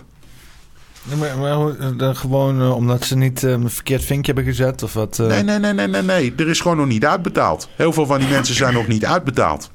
Dus, en dat gaat dadelijk ook gebeuren met de boeren. Kijk, ehm, ehm, bij de boeren is het natuurlijk zo. Daar heb je, een, daar heb je wel heb je verschillen in. Je hebt boeren die hebben oud geld. Die hebben eigenlijk hun land zonder bank. Maar je hebt er ook die zijn tot hier hangen die erin bij de bank. En als je er tot daar in hangt bij de bank, dan ben je eigenlijk de regie kwijt. En dat is hetzelfde met al die mensen die zich veilig waren met een koopwoning. Uh, nee, want die hypotheek is betaald met geprint geld. En alle banken vallen onder de federale bank. En als jouw bank omvalt, dan zal het overgesloten moeten worden door een andere bank. Dus al die mensen die zich veilig wanen met een koophuis, dat is ook schijnveiligheid. Dat is geen veiligheid. Veiligheid was de ouderwetse gedachte. Als je begin jaren 80 keek naar hoe kocht jij een huis. Er was altijd een hypotheek op basis van annuïteiten. Oftewel, je ging aflossen. Mhm. Je ging niet aflossingsvrij, je ging aflossen. En de stelregel was altijd: je koopt een huis als echtpaar op één salaris en niet op twee salarissen. En ja, dat is natuurlijk helemaal scheef gegaan. Want uh, uh, rond 2008, 2009 waren die aflossingshypotheek, aflossingsvrije hypotheken helemaal in trek. En ik weet nog dat ik had toen een klant, die was projectontwikkelaar. En die zat allemaal aan mij te vertellen. Ja, Ray, moet je ook doen. Je moet je hypotheek oversluiten, aflossingsvrij. Je leeft nu, je krijgt dikke, dik geld terug van de Belastingdienst. En elke maand. En uh, joh, kan je schelen dat je aan het einde van de looptijd nog een schuld hebt. Wie dan leeft, wie dan zorgt. En toen had ik al zoiets van gast klinkt onverstandig. Het klinkt heel erg onverstandig. En uh, daardoor zie je ook dat die, dat die huizenmarkt al een paar keer is ingeflikkerd. En daarna dan klimt hij wel weer op. Maar dat, wordt, dat is ook een kunstmatig proces. Het is een kunstmatig proces, net zoals de beurs. Het is een kunstmatig proces. En je ziet dat er elke keer, uh, bij die vorige huizencrisis, was er uh, expres allerlei slechte uh, pakketten met investeringmiddelen waren er uitgegeven, zeg maar. Weet je En je kan zeggen van, oh ja, ze waren dom. Dat was ook een beetje mijn, wat ik net zei, van is het dommigheid of kwade intent. Weet je wel. Dat zouden zeg maar de crème de la crème des investeringsagenten moeten zijn. Die, die runnen de wereldeconomie. En die die, die laten dan zoiets doorslippen. Zo van, oké, ja, we hebben hier een hele onstabiele markt... met allemaal waardeloze investeringspakketten. en die gaan we dan aan iedereen wereldwijd globaal verkopen... om dan de bodem te zijn voor heel veel... Uh, economische activiteit in andere landen, weet je. Dat is gewoon dom. Dat is gewoon dom. En die, die mensen zitten daar en die horen dat niet te doen. En die doen dat dan toch. Weet je wel, dan kan bijna zeggen van ja, kijk, als er gewoon consensus is onder die bankiers. Ik weet niet, jij wel eens gehoord van de Bank of International Settlements? Dat is de BISbank in, uh, in Basel, in Zwitserland. Daar komen alle internationale bankiers samen. Dat is een soeverein gebouw op soeverein grond, Zwitserland. Hè? In, in, in relatief soeverein Europa. Dus echt veel soevereiner als dat ga je niet krijgen volgens mij. En, uh, Toch zit het WEF daar. Ja, die zit ook in, die zit in Davos. Hè? Ja. Die zitten daar niet voor niks. Ja, je ziet ook als die WEF wordt gehouden dat het hele terrein is... De, ja, ze hebben politie, Zwitserse politie met WEF-emblemen en zo. Dus die, die, die, die, die kopen gewoon die overheid gewoon. Die, gewoon dit is nu van ons. Die zijn daar gewoon hun eigen overheid. Het, het, is Eurogent voor. Hè? Eurogent voor is, is uh, een Europees leger. Uh, ja, een Europese politiemacht eigenlijk. De, de, we hebben ze in Nederland gezien. De Romeo's zijn bijna allemaal afkomstig van Eurogent voor. Uh, maar Eurogent voor is ook bij de demonstraties in Brussel gezien. die hebben een specifiek logo.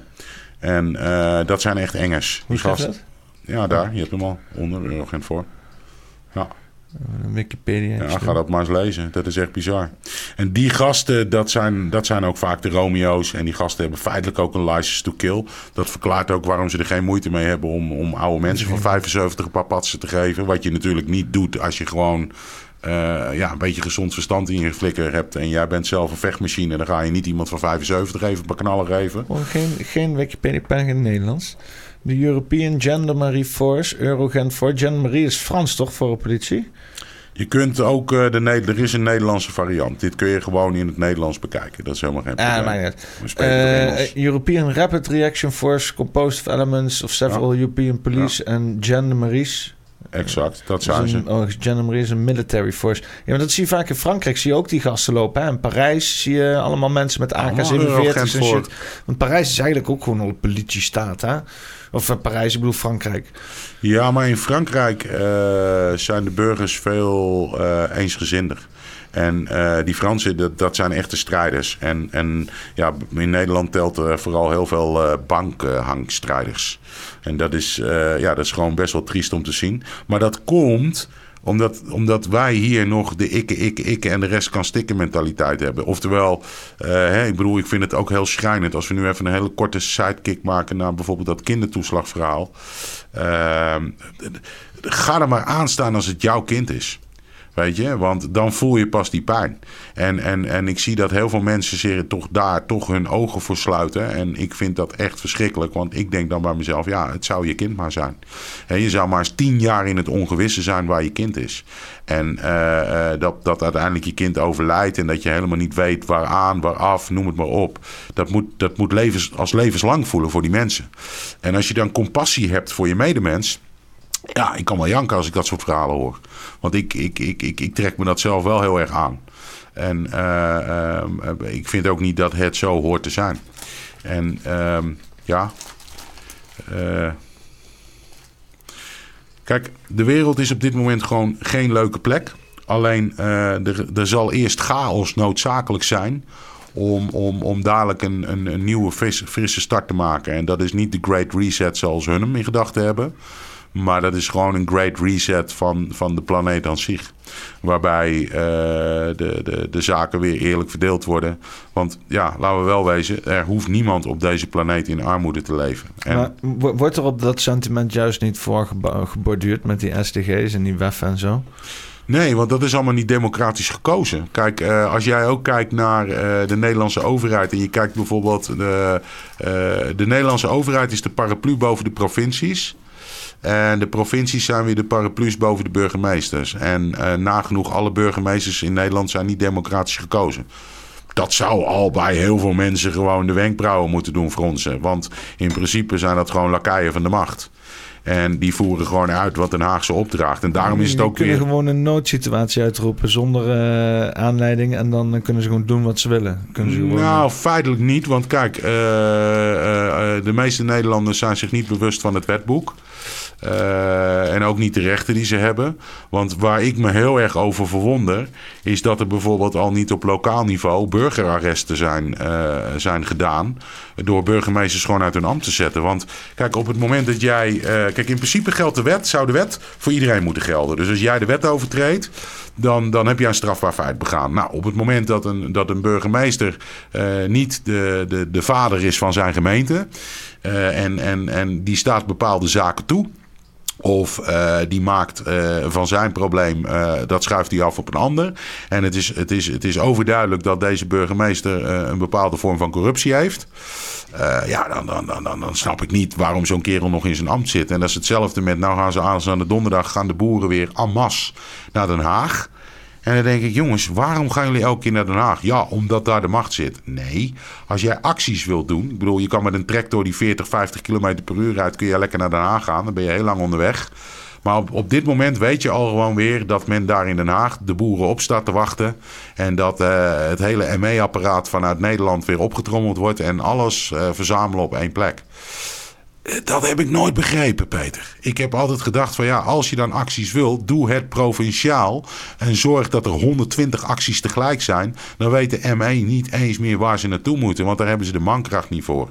Nu wordt het aangekondigd in de hoop dat zoveel mogelijk Nederlanders zich daarbij aansluiten. De praktijk zal uitwijzen dat dat niet gebeurt, want de mensen die al een keertje op een demo zijn geweest en klappen hebben gekregen van de Romeo's, die blijven weg.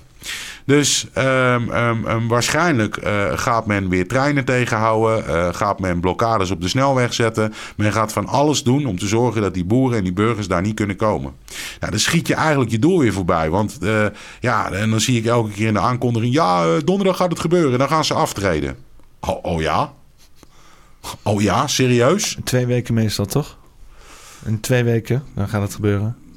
Ja, nee, het is... Trust the plan? Ja, nou ja, dat, dat, dat, de trust the plan, dat, uh, dat is het QAnon gebeuren en zo. Nou, dat is in mijn op, op, op een beleving ook gewoon een psyop die in het leven is geroepen... om de mensen daar weer in te doen geloven. Plus, als je mensen daarin doet geloven, laat geloven...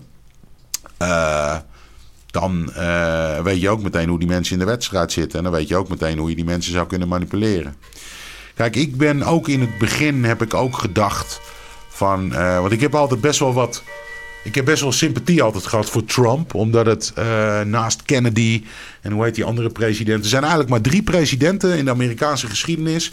die uh, in hun termijn elke oorlog hebben tegen proberen te houden. En de rest van alle presidenten is altijd verwikkeld geweest in oorlogen.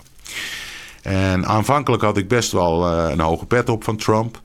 Uh, totdat ik op een gegeven moment die speeches van hem zat te kijken midden in de nacht. En een vriendin van mij op Ibiza, die uh, vertelde mij op een gegeven moment... ja, hij praat heel veel in codetaal. En ik kan die code uh, ontcijferen. Dus nou ja, een tijdje best wel geïntrigeerd geweest. Alleen op een gegeven moment begon mij iets op te vallen. En er waren een aantal dingen. A, zijn betrokkenheid bij operatie Warp Speed... Ja, hij was dus eigenlijk de aanjager van het hele vaccingebeuren met Fauci en noem het maar op. Dat vond ik al uh, bizar. En het feit dat hij nooit zijn best heeft gedaan om Julian Assange vrij te krijgen. Dat vond ik heel erg vreemd. Ja. En toen begon ik op een gegeven moment begon ik ook zijn speeches op een andere manier te bekijken. En hij zegt natuurlijk heel vaak woorden als I'm gonna make America great again. Uh, maar wat hij ook doet, is, kijk, natuurlijk, die, die, die, die Biden, dat is een, een seniele Benidorm bastard. Laten we, dat, laten we dat voorop stellen. Alleen, jij weet zelf ook hoe het werkt. Als jij slecht praat over een ander... Hè, en je wijst met één vinger naar een ander... dan wijst er ook altijd een paar naar jezelf. Nou, elke speech was hij natuurlijk uh, uh, Biden aan het afkraken. En dat was ondertussen zijn handelsmerk. Maar wat mij ook opviel, was dat hij uh, die rallies die hij deed die had een hele andere reden. Hij heeft gewoon vanaf het moment dat die uh, verkiezingsfraude ervoor zorgde dat hij geen president meer was, is hij eigenlijk met die rallies alleen maar zieltjes gaan winnen. En uh, het gevaar is dat mensen daar dan blindelings uh, op afgaan, omdat ze wederom niet hun eigen autoriteit kunnen zijn. En denken dat een Trump of een Poetin hun komt redden. Maar hé, hey, ik heb nieuws voor je. Helemaal niemand komt jou redden.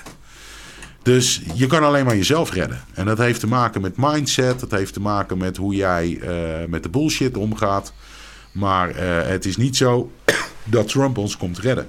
Sterker nog, ehm, er is gewaarschuwd eh, voor diverse fake messiassen. Ik vind BBB een, een, briljant voorbeeld van een fake messias. Die komt in één keer out of the blue. Uh, heel toevallig, ironisch gezien, heet de partij BBB. Nou ja, dat, uh, daar had ik meteen al zoiets bij van dat is Build Back Better. Uh, plus het feit dat ze natuurlijk sponsorgelden hebben ontvangen van Bayer-gerelateerde bedrijven. ja, is het natuurlijk heel makkelijk als jij, als jij een, een fake messias naar voren schuift... waar de mensen in geloven dat dat oprecht is... dan ben je weer een stap verder in je verdeeldheid. En uh, het spel, hoe ze het spelen, ik doe er mijn pet vooraf. Het zit ontzettend ingenieus in elkaar. Want ze hadden het op een gegeven moment zo ver dat jouw buurman uh, bereid was om jou te verlinken als jij uh, dingen deed die dan niet mochten in de lockdown of zo, weet je. Dat heb ik ook altijd al een bijzonder fenomeen gevonden. Dat jij dus op zo'n manier in de wedstrijd staat dat je dus bereid bent om je broeder of je zuster een poets te bakken. En om ze eraan te naaien. Er was, was een, een, een, vrouwtje en die had uh, de politie gebeld omdat er een hangjeugd buiten was na de avondklok of zoiets. Of nee, nee, nee, nee het was nog niet eens met de avondklok. Er was hangjeugd bij elkaar, maar ze waren met meer dan vijf man. Het was groepsvorming, toch? Was er ook ja, een tijdje ja, tegen ja, groepsvorming. En uh, we waren met de vijven, waren gewoon s'avonds bij elkaar. En uh, die, die, vrouw die zag de jongeren en die zat binnen. En die dacht van, weet je wat, ik ga de politie bellen. Er zijn jongeren bij elkaar. De straat horen leeg te zijn. Ja. Ja, maar het is toch erg dat je zo in de wedstrijd zit. En dat je dan ook nog zegt uh, tegen, je, tegen, je, tegen je bekenden... Ja, dankzij die mensen zitten wij er langer in, in de ellende.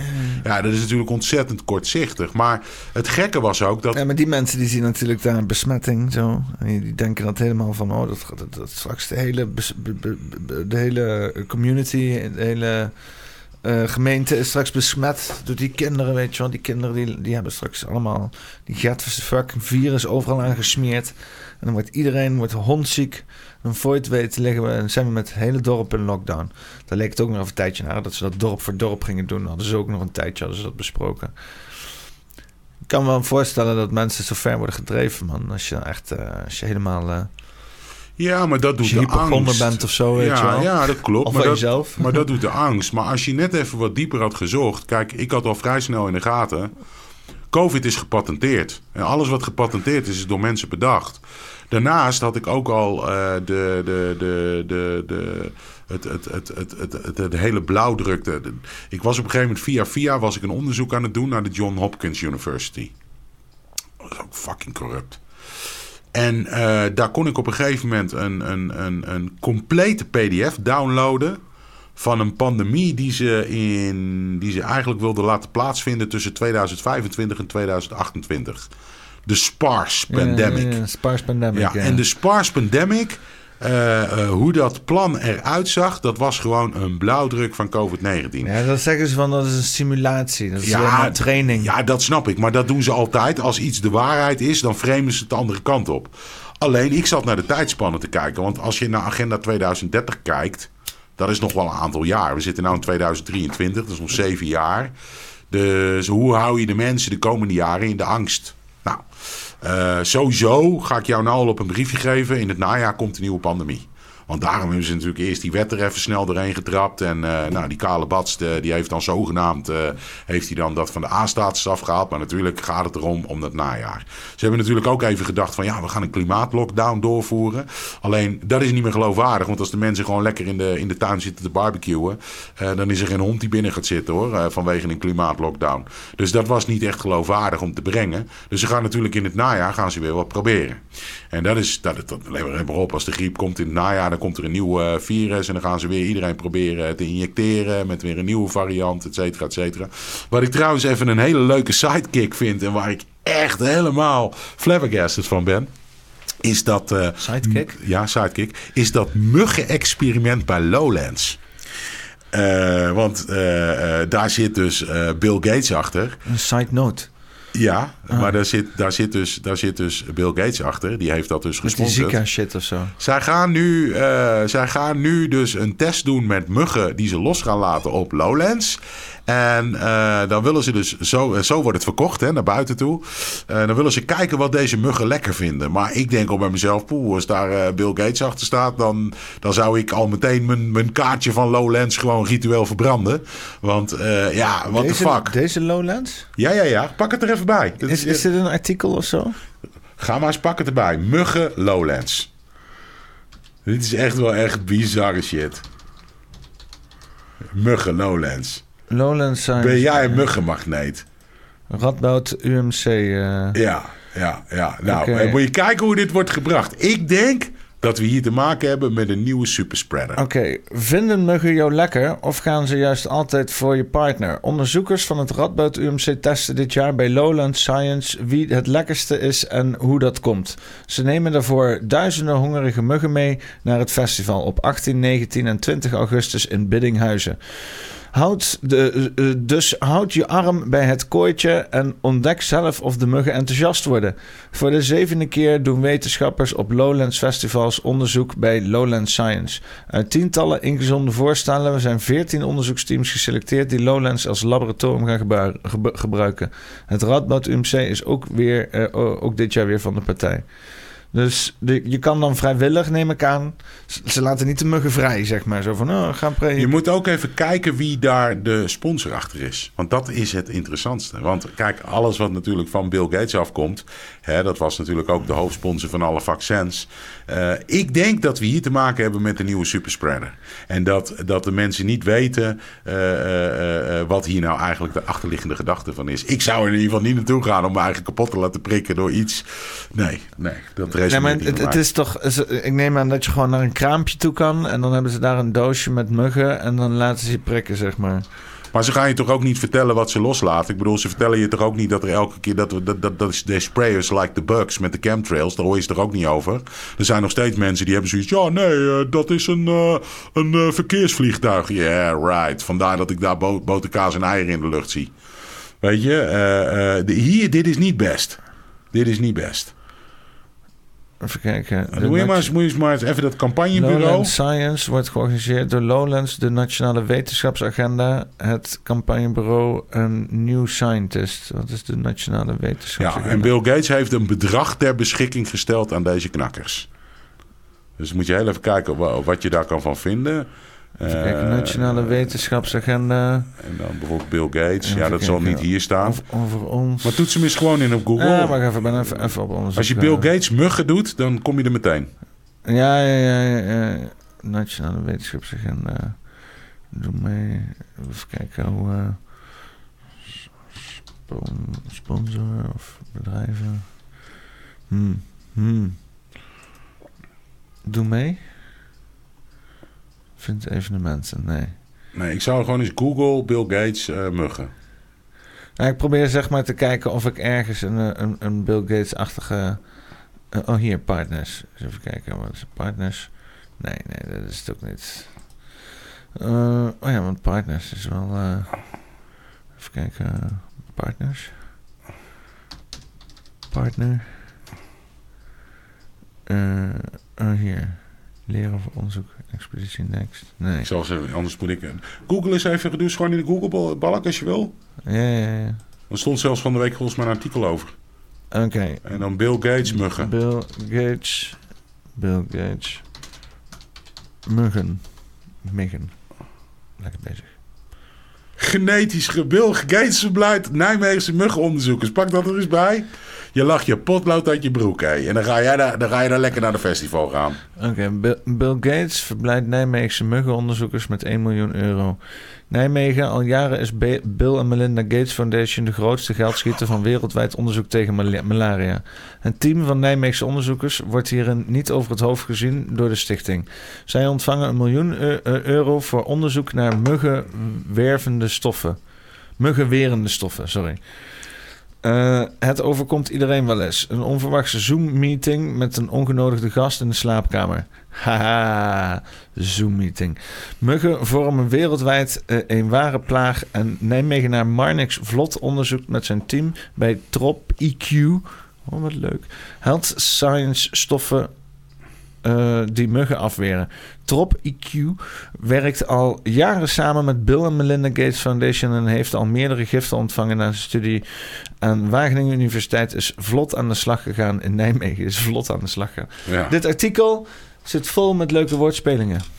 Ja, en, is bijna hilarisch. Ja, en het feit al dat hun erachter zitten. En dan moet je natuurlijk ook even uh, teruggaan naar uh, uh, toen op een gegeven moment, dat, dat, heeft nog heel erg in het nieuws gecirculeerd, toen die, die directeur van Lowlands op een gegeven moment ging verkondigen dat hij vond dat, dat mensen zich moesten laten testen en dat daar was overal pro, pro, pro, pro, pro. En uiteindelijk werd bij hem ook gewoon het deurtje dichtgedraaid van, de van, van zijn festival. Want ja, één ding kun je niet, je kunt niet onderhandelen met de staat, je kan niet onderhandelen met kroeks. Die beloven jou van alles, maar die komen niks na. En, en uh, ja, als je dan nog eens de revue laat passeren met dat dansen met Jansen gebeuren en die vergelijkingen met frikandellen en zo. Dat ik echt denk van jezus man, dat mensen daar ingetrapt zijn. Gast, serieus.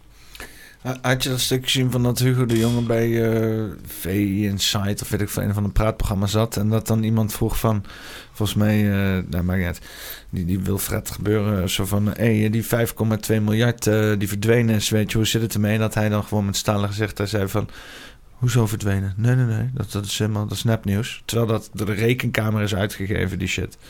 Weet je wel? Die, die, die gaan gewoon door. Die gozer die zit nu gewoon door te gaan in, uh, in woningbouw. Tuurlijk, maar dat is ook logisch. Waarom, waar, waarom denk jij dat die grens op 3,55 is afgesproken?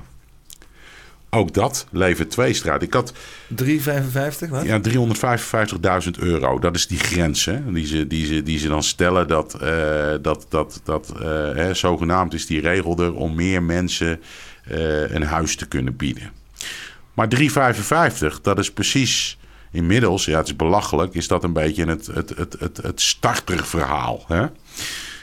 Dus daar gaat hard om gevochten worden om die huizen. En wat krijg je dan? Toevallig had ik het laatst op Telegram weer gezien. Was er weer een of andere nono die zei... Ja, gelukkig hebben wij een huis van 5 ton, dus wij vallen daar buiten. Gelukkig kan ons niks gebeuren. Dat is weer dat ikke, ikke, ikke en de rest kan stikken.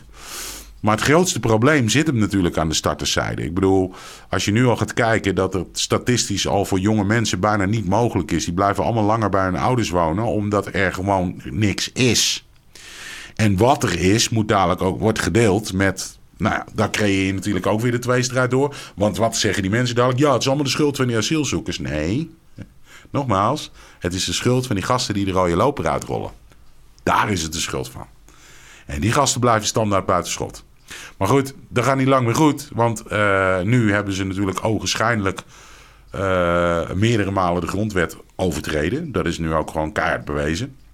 Dus het is een kwestie van afwachten. En je hebt uh, dat, uh, die onderzoek die gaande is. En die, die pas in 2025 of 26 is afgerond. Naar alle betrokkenen bij de ja, het pandemie, COVID, COVID gebeuren. Ja, die parlementaire enquête. Ja, ja, dat ja. Ja, nee, maar ja, zij, zij, zij, zij treden hun eigen wetten. Dus uh, hè, er moet een onderzoek komen. Het gaat er met name over die, die parlementaire enquête. Die is gewoon om te kijken of de maatregelen proportioneel waren. Het hele beleid proportioneel was. Uh, maar ze weten natuurlijk zelf ook wel dat het niet zo was. Dus daarom, hè, eerst gaan ze dan heel stoer zeggen: ja, nee, dat onderzoek is belangrijk. En nou frustreren ze het weer door het weer op de lange baan te schuiven. Omdat ze eigenlijk hopen dat het niet uitkomt. Maar weet je, uh, heel Nederland had al op zijn kop moeten staan toen Kuipers niet transparant wilde zijn. Want hey, je zou maar je vader of je moeder verloren hebben. Uh, en, en, en, en ja, je weet eigenlijk niet precies waaraan en waaraf. En het wordt standaard gezegd, ja, die is overleden aan COVID. Bullshit. Uh, uh, en, en dan heb je zo'n kerel die wil niet transparant zijn, want dat zou slecht zijn voor het functioneren van de staat. Voor het vertrouwen in de staat. Nou, het vertrouwen in de staat is al beneden het vriespunt. Dus uh, ja, hè. Dus er gebeuren dingen waarvan ik denk van nou, daar moet je toch op een gegeven moment wel, wel helemaal vanuit elkaar klappen. Alleen, kijk, Money Talks. Zij hebben zoveel influencers die zij betalen online. Om maar een beetje te trollen, om maar een beetje te gallen, om maar een beetje een andere kant uh, te laten, laten zien. En, en het punt is gewoon, kijk, ik vertrouw eigenlijk niks meer. Ik vertrouw alleen nog maar mezelf. Ik bedoel, ik heb jarenlang podcasten gekeken. Uh, tegenwoordig ben ik naar een bepaald innerlijke groei toe gegaan. Waardoor ik eigenlijk niks meer hoef te kijken. Want het, weet je, het, het, het, uh, ik voel dingen, ik krijg dingen binnen, het resoneert met me. En, en ja, ik weet, ik, ik, ik, doorzie de bullshit toch wel. Ik ben al, uh, ik heb de, Matrix al lang geleden doorzien. Uh, maar ik heb eerst wel al allerlei podcasten gekeken van mensen die ik, die, ik, die ik hoog heb zitten. Het enige wat ik nu af en toe nog volg is Cliff High. Uh, maar dat komt omdat het is een Amerikaan. Dat komt omdat zijn voorspellingen, die, die raken eigenlijk altijd de waarheid. Hè? Dingen die hij een half jaar geleden heeft gezegd over wat er ongeveer nu zal gaan gebeuren. Dat kwam ook steeds uit. Dat is ook een hele wijze kerel. Daar luister ik op zich wel heel graag naar. Maar ik heb uh, jarenlang besteed aan allerlei podcasts kijken, van alles zien. Maar uiteindelijk kom je uh, erachter dat de essentie eigenlijk steeds weer hetzelfde is. Want als je op een gegeven moment ziet wat, het, wat daadwerkelijk nou voor je neus afspeelt, dan kun je het ook nooit meer anders zien. En uh, ik heb ook gemerkt dat als je alleen maar te veel van die podcasten kijkt, dan haal je ook je eigen frequentie naar beneden.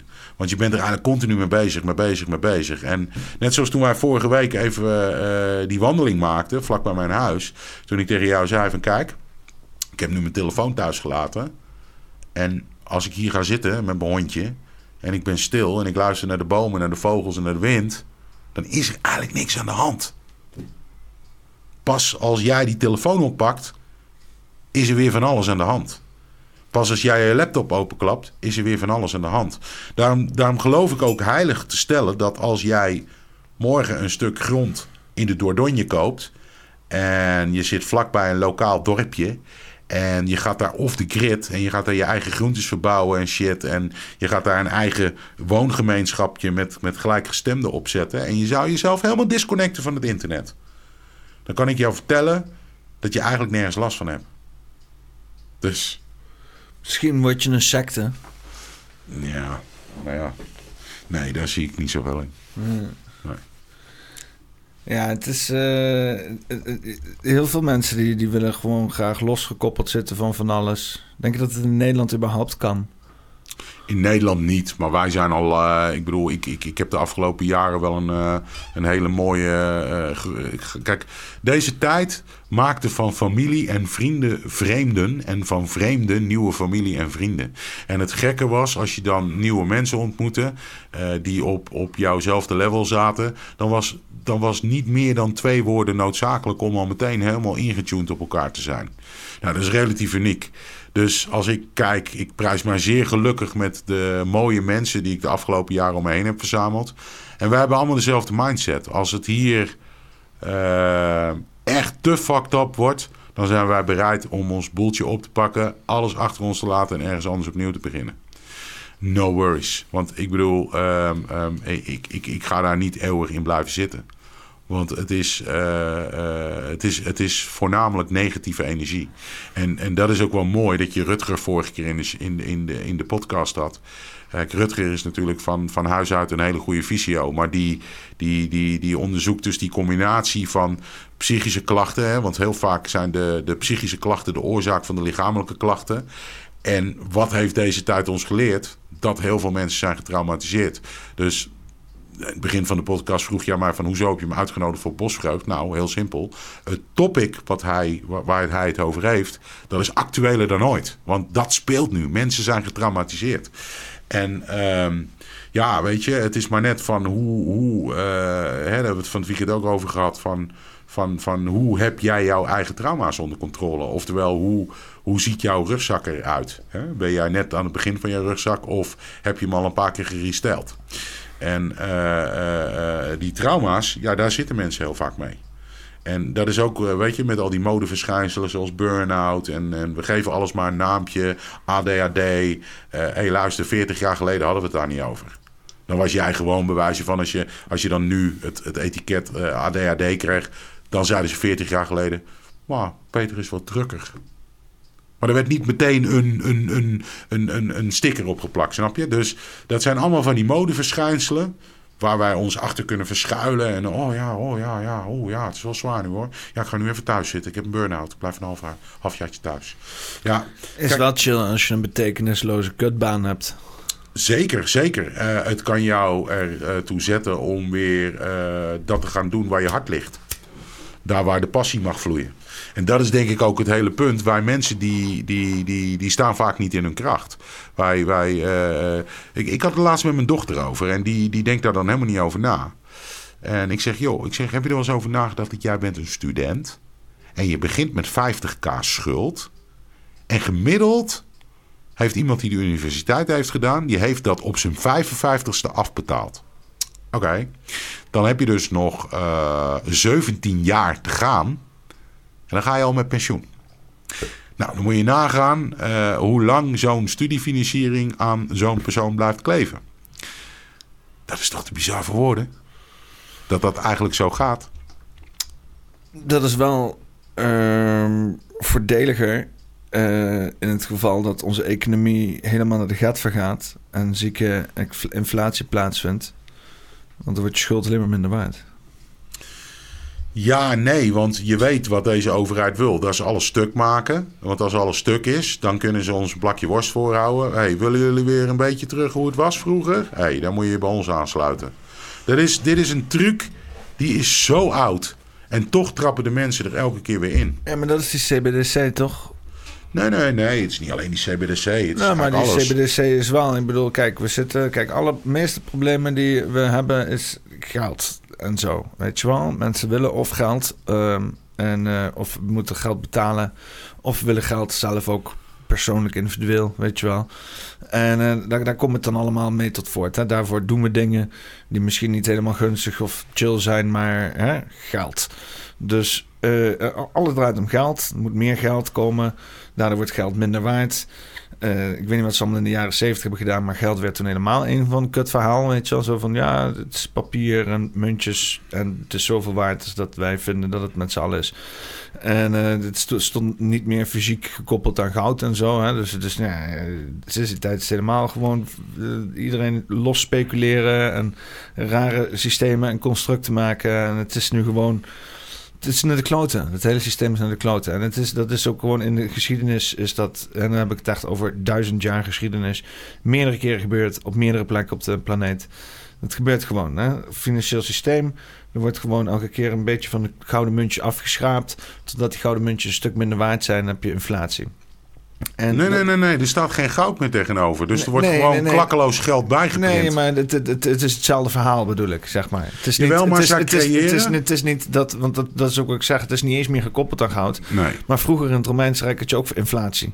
Hè, maar dan gingen mensen fysiek van goud wegkerven. Dus mensen proberen altijd een beetje bij te snoepen. Maar dat is dus al, al echt al, al dit geldsysteem is al uh, als je ziet hoe het cumulatief bij elkaar in Europa heeft gewerkt, is al in ieder geval voor Nederland, de Florijn is al uh, iets van 400, 500 jaar oud. Uh, en dat is dus nu helemaal losgekoppeld. Voor, dat, het heeft niks meer te maken met wat het nu is. Het is nu een soort van fictief ECB hooggehouden shit.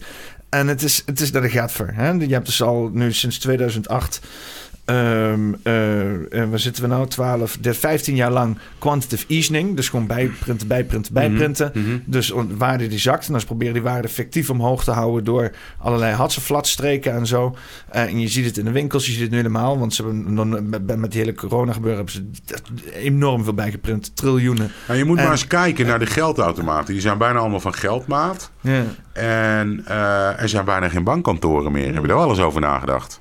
Je kan nergens meer je verhaal halen. Je kan nee. bellen als je wil. Ja, je kan bellen. Dus dat zegt eigenlijk al een hele hoop. Alleen kijk, die CBDC, dat gaan ze wel proberen. Maar dat gaat heel veel weerstand opleveren. Nee, Waarom? Nee. Nee, ik heb het nu al een tijdje, heb ik dit met heel veel mensen erover. En ik heb verschillende dingen geproopt. En uh, bij de meeste mensen die zeggen... Uh, ja, er is, is geen verschil. Ik betaal nu ook alles met mijn mobiel.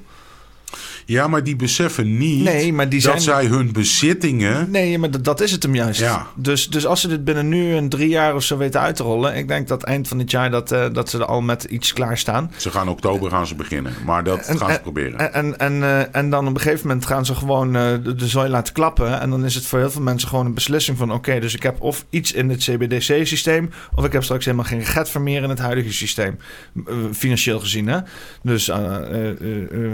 Uh, dus dan moeten wel dingen omgezet worden in allerlei dingen, weet je wel? Uh, en, ja, en, maar jij vergeet één ding. Uh, in Nederland gaat heel veel geld rond met een ander kleurtje. Niet zoveel als in eh, Italië of zo. Nee, maar wel genoeg. Dus eh, eh, je gaat zien dat eh, heel veel mensen zijn niet van plan om al hun bezittingen op te geven. Die willen ook nog dat stukje privacy hebben. Nee, maar het is gewoon een ander soort van bezitten. Nee, maar je moet ook. Je moet, kijk, ze kunnen het dadelijk natuurlijk zo brengen dat je alles om moet gaan zetten naar die nieuwe valuta. Dus je moet met je billen bloot, je moet vertellen wat je aan spaargeld hebt. Je moet misschien je cashgeld gaan inwisselen. Dat soort zaken. Ik geloof niet dat dat gebeurt. Ja, ik denk ook niet dat dat gebeurt. Want je hebt eh, zeg maar die CBDC. Ben je er wel eens een beetje ingedoken? Ja, wel eens ja, een ja, beetje- ja. Je hebt dus inderdaad een, eh, een, een, een, een munt, die wordt een digitale cryptocurrency, die wordt uitgegeven door de centrale bank. Die zal dus dan een hoofdbankier zijn en die heeft direct toegang tot jouw munt. Die munt is programmeerbaar. Als het niet nu is, dan wel later. En daar kan je dus inderdaad allerlei eh, code in programmeren, zoals... Hè, er wordt dus inderdaad waarschijnlijk op het moment dat het gaat gebeuren... allemaal aangeprezen van, oh, kunnen we corruptie mee stoppen en al dat soort zaken. Maar eh, eh, ze kunnen zeggen van, er kunnen timing zitten op dit geld. Hè? Dus bijvoorbeeld, je kan het in een maand uitgeven... en daarna reset het weer naar nul. En dan krijg je weer een nieuw bedrag. Dus dan krijg je die UBI, de Universal Basic Income... achtige tafereelen die ze dan helemaal programmeerbaar kunnen maken... zodat het niet de economie gaat verstoren... maar dat mensen wel altijd ehm, eh, eh, eh, spendeerkracht hebben. Hè? Dus dat de economie blijft draaien, ongeacht dat whatever de factor gebeurt in de rare shit. En eh, eh, dat gaat voor heel veel mensen gewoon heel aantrekkelijk zijn, weet je wel. Eh, ik bedoel, yo, eh, als, vooral, vooral, zelfs ook voor de mensen die niet se nood, nood zijn. Het is gewoon een, een, een x aantal credits waar je dan gewoon zo in de winkel gewoon shit mee kan kopen. Zeggen ze van, ja, je krijgt je duizend eh, eh, eh, digitale euro krijg je als je je nu laat uitbetalen of zo met je bankrekening. Of als je nu je aanmeldt bij deze bankrekening of zo, weet je wel, weet ik veel. En je denkt, eh, nice, weet je wel. Dan ga je, weet ik veel, nieuwe speakers van kopen of zo. Of uh, Lijpetori. En dan, uh, ja, dan hebben ze je binnen. Een bankrekening. Misschien gebruik je het dan wel of een keer weer niet. En op een gegeven moment dan, dan, dan maken ze dat zo schimmig... dat het op een gegeven moment gewoon helemaal niet meer handig is... om die andere shit te hebben. Voor je het weet zeg, zeg je dat af. Dat in een tijdspan van, van, nou ja, als je de hele 2030 agenda voor ogen hebt... eh, dan zijn we nog fucking acht jaar of zo. Dan is zeven jaar. Weet je wel? Dan kan, of, of 2025 ja, hebben ze al die shit geïnstalleerd... Ja. en dan hebben ze vijf jaar om het uit te wennen. Ja, toch ken ik... ik... heb zoiets van, dit gaat gewoon gebeuren. Nee, dit gaat gewoon ja, nee, gebeuren. Als ze hun aan de macht blijven wel. Maar ik kan jou vertellen, ik ken uh, de meeste mensen die ik ken, die gaan daar niet aan meedoen. Die gaan ook niet mee op het moment dat er 100 euro vrije uh, currency voor hun neus wordt gehouden. Want uiteindelijk geef je de controle uit handen. En hun kunnen met één druk op de knop, kunnen ze beslissen over jouw leven. En dat is wat ze dan gaan doen. Dus nee, dit is geen goede zaak. Sowieso niet. Um, en ik denk niet dat, uh, dat, dat ze zo lang aan de macht zullen zijn. Kijk, we hebben het vanochtend natuurlijk nog heel even op, over Rob Roos gehad. En het feit dat uh, Frans Timmermans zijn plannetjes nu even worden afgeschoten. Dus natuurlijk nog even afwachten wat daar...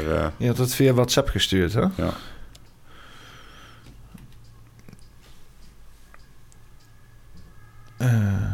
ja, ga verder met... Met, met, met, met. Ja, ik pak het er even bij. Om even bij de feiten blijven. Bij de, bij de feiten blijven. Ja, je had, Zo is het, ja. Kijken, Rob Roos. Ja, je hebt een hoop dingen gestuurd. Was dat... Uh, welke, ja, was ja, ja. welke was het ook weer? Nou, dat mag niet in hij. Dat, uh, dat zijn... Uh, dat oh, zijn ja, ook ja, weer asielzoekers. Nee. Na de Visserijcommissie en Landbouwcommissie stemt ook de Milieucommissie in Europees Parlement de Natuurherstelwet weg. Verworpen. Heel belangrijk nieuws voor Nederland. Volgende stap, en daar gaat het natuurlijk om. Volgende maand moet het hele Europese parlement er tegen stemmen. En dan zie je maar weer hoe de mainstream media werkt. Hè. Wij zitten hier nog volop uh, in, uh, in dat boerengedoe. Uh, de, waarbij de boeren eigenlijk uh, ten onrechte. Het was van, was van Rob Roos. ja, ja, ja. Oké, okay, so we can now proceed to the final vote. It's a roll call vote, obviously. And the vote is. Hier gaan we. Final vote for the Nature Restoration Law. And it is rejected 44.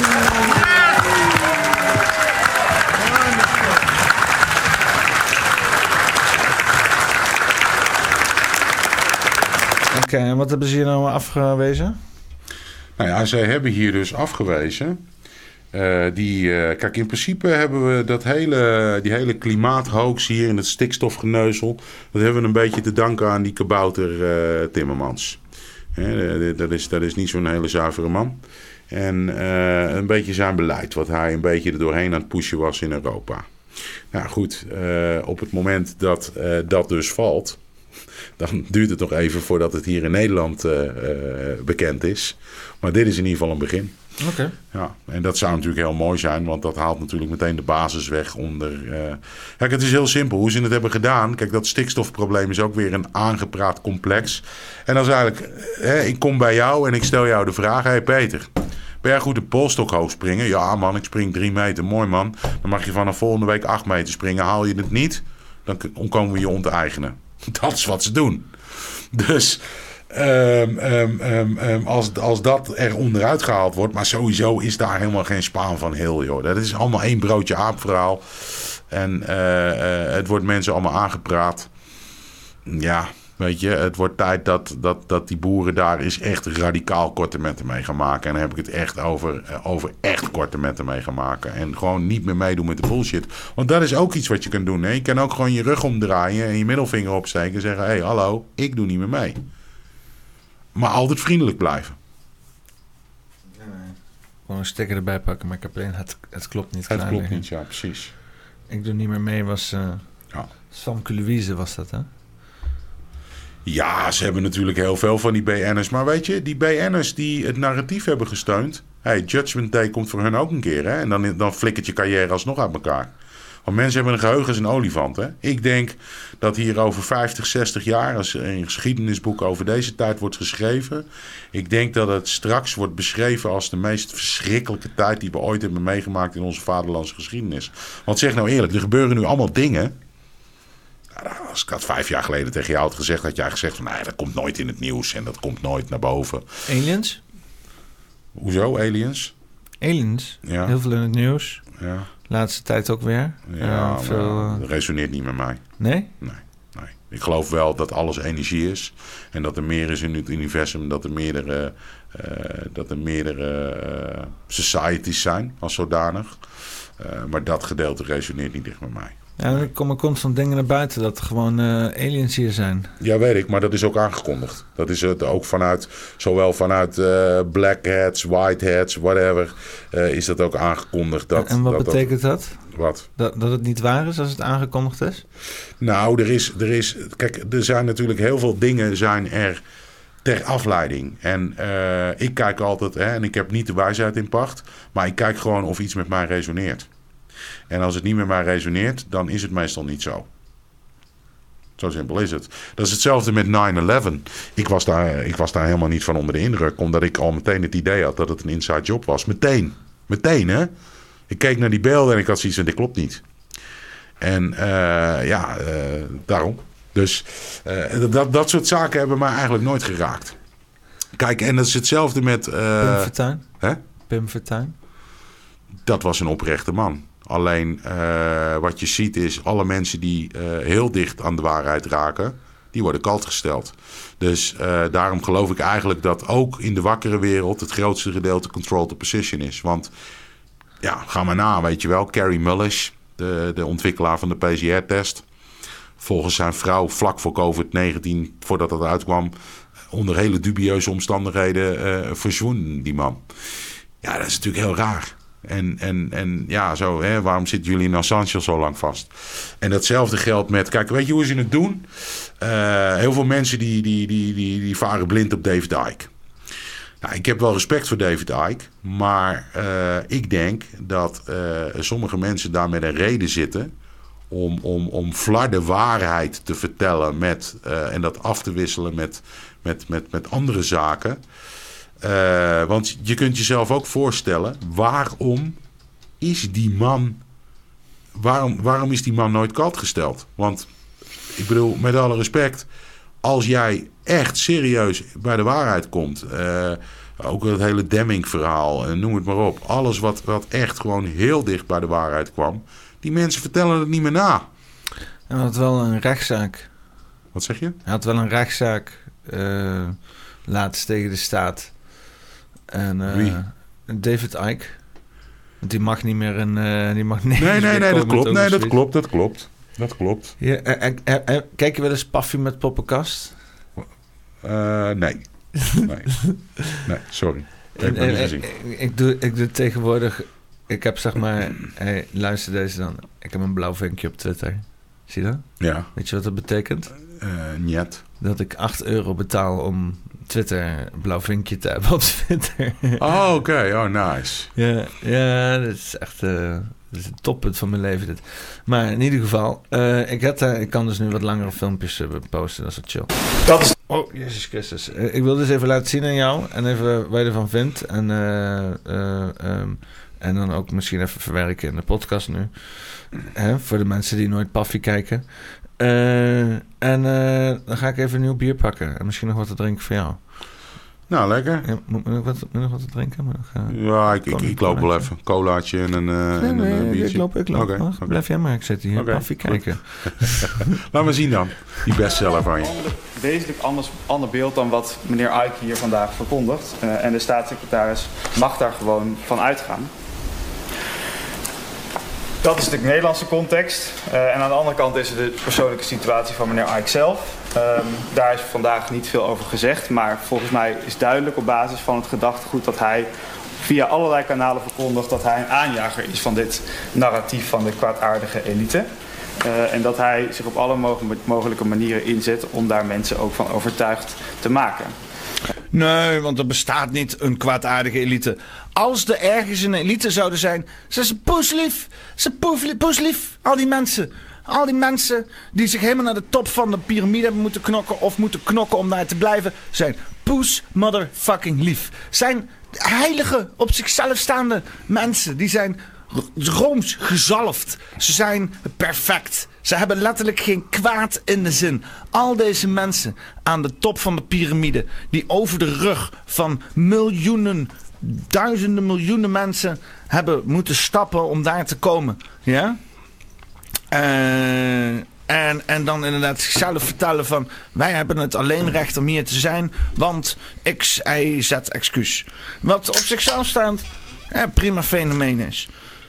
Zijn heilig. Hebben helemaal niks kwaads in de zin. Zijn niet gecorrumpeerd. Zijn niet, zijn niet eventueel verleid tot samen dingen. Zijn op gegeven moment niet afgevlakt voor bepaalde eh, zaken van, eh, eh, van, van de samenleving. Het is verder niet alsof er zelfs onderzoek naar is gegaan. Dat als je boven de zoveel miljoen verdient. dat je niet meer zoveel empathie hebt voor mensen die minder verdienen. Weet je, dus. Dat is. Nee. Kwaadaardig.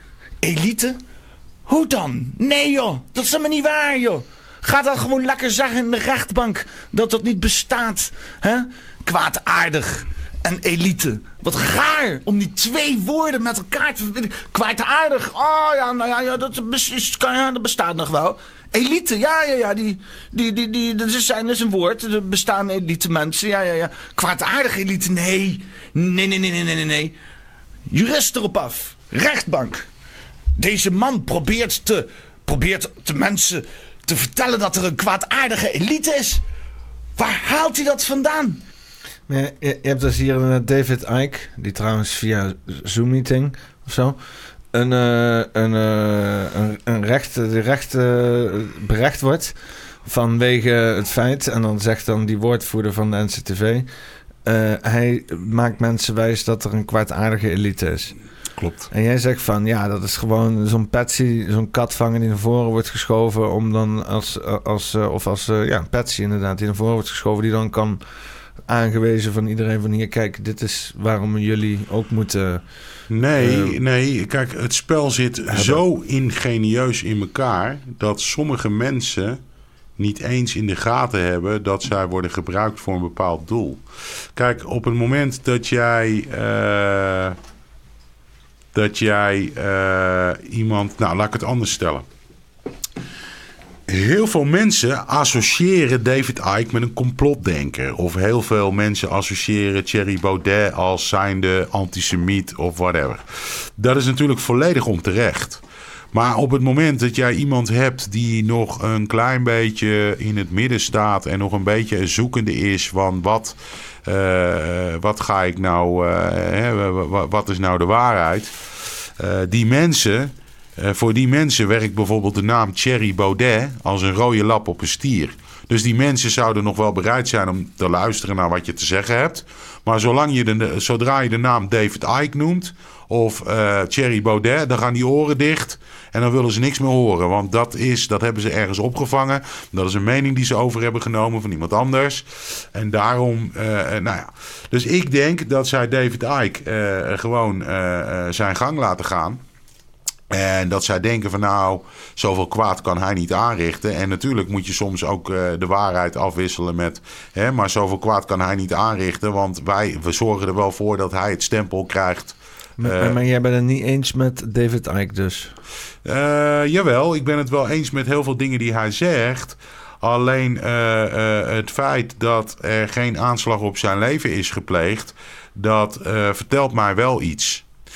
Daar, daar, dat is waar ik naar kijk. Ik probeer er altijd objectief naar te kijken. Ik heb geen oordeel voor de rest over hem als persoon. Kan het niet zijn dat hij gewoon een meester manifesteerder is? Nee, want in deze wereld uh, word je voor minder kalt gesteld. En nee, nee.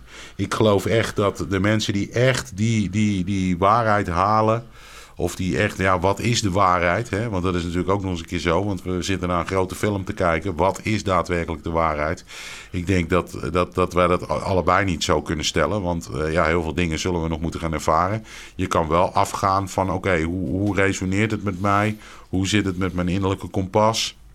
En hoe komt dat binnen? Want uiteindelijk, um, um, um, hoeveel mensen hebben geen moeite met het naar binnen keren? Terwijl daar de antwoorden zitten. Daar zitten de antwoorden. Daar heb jij grip.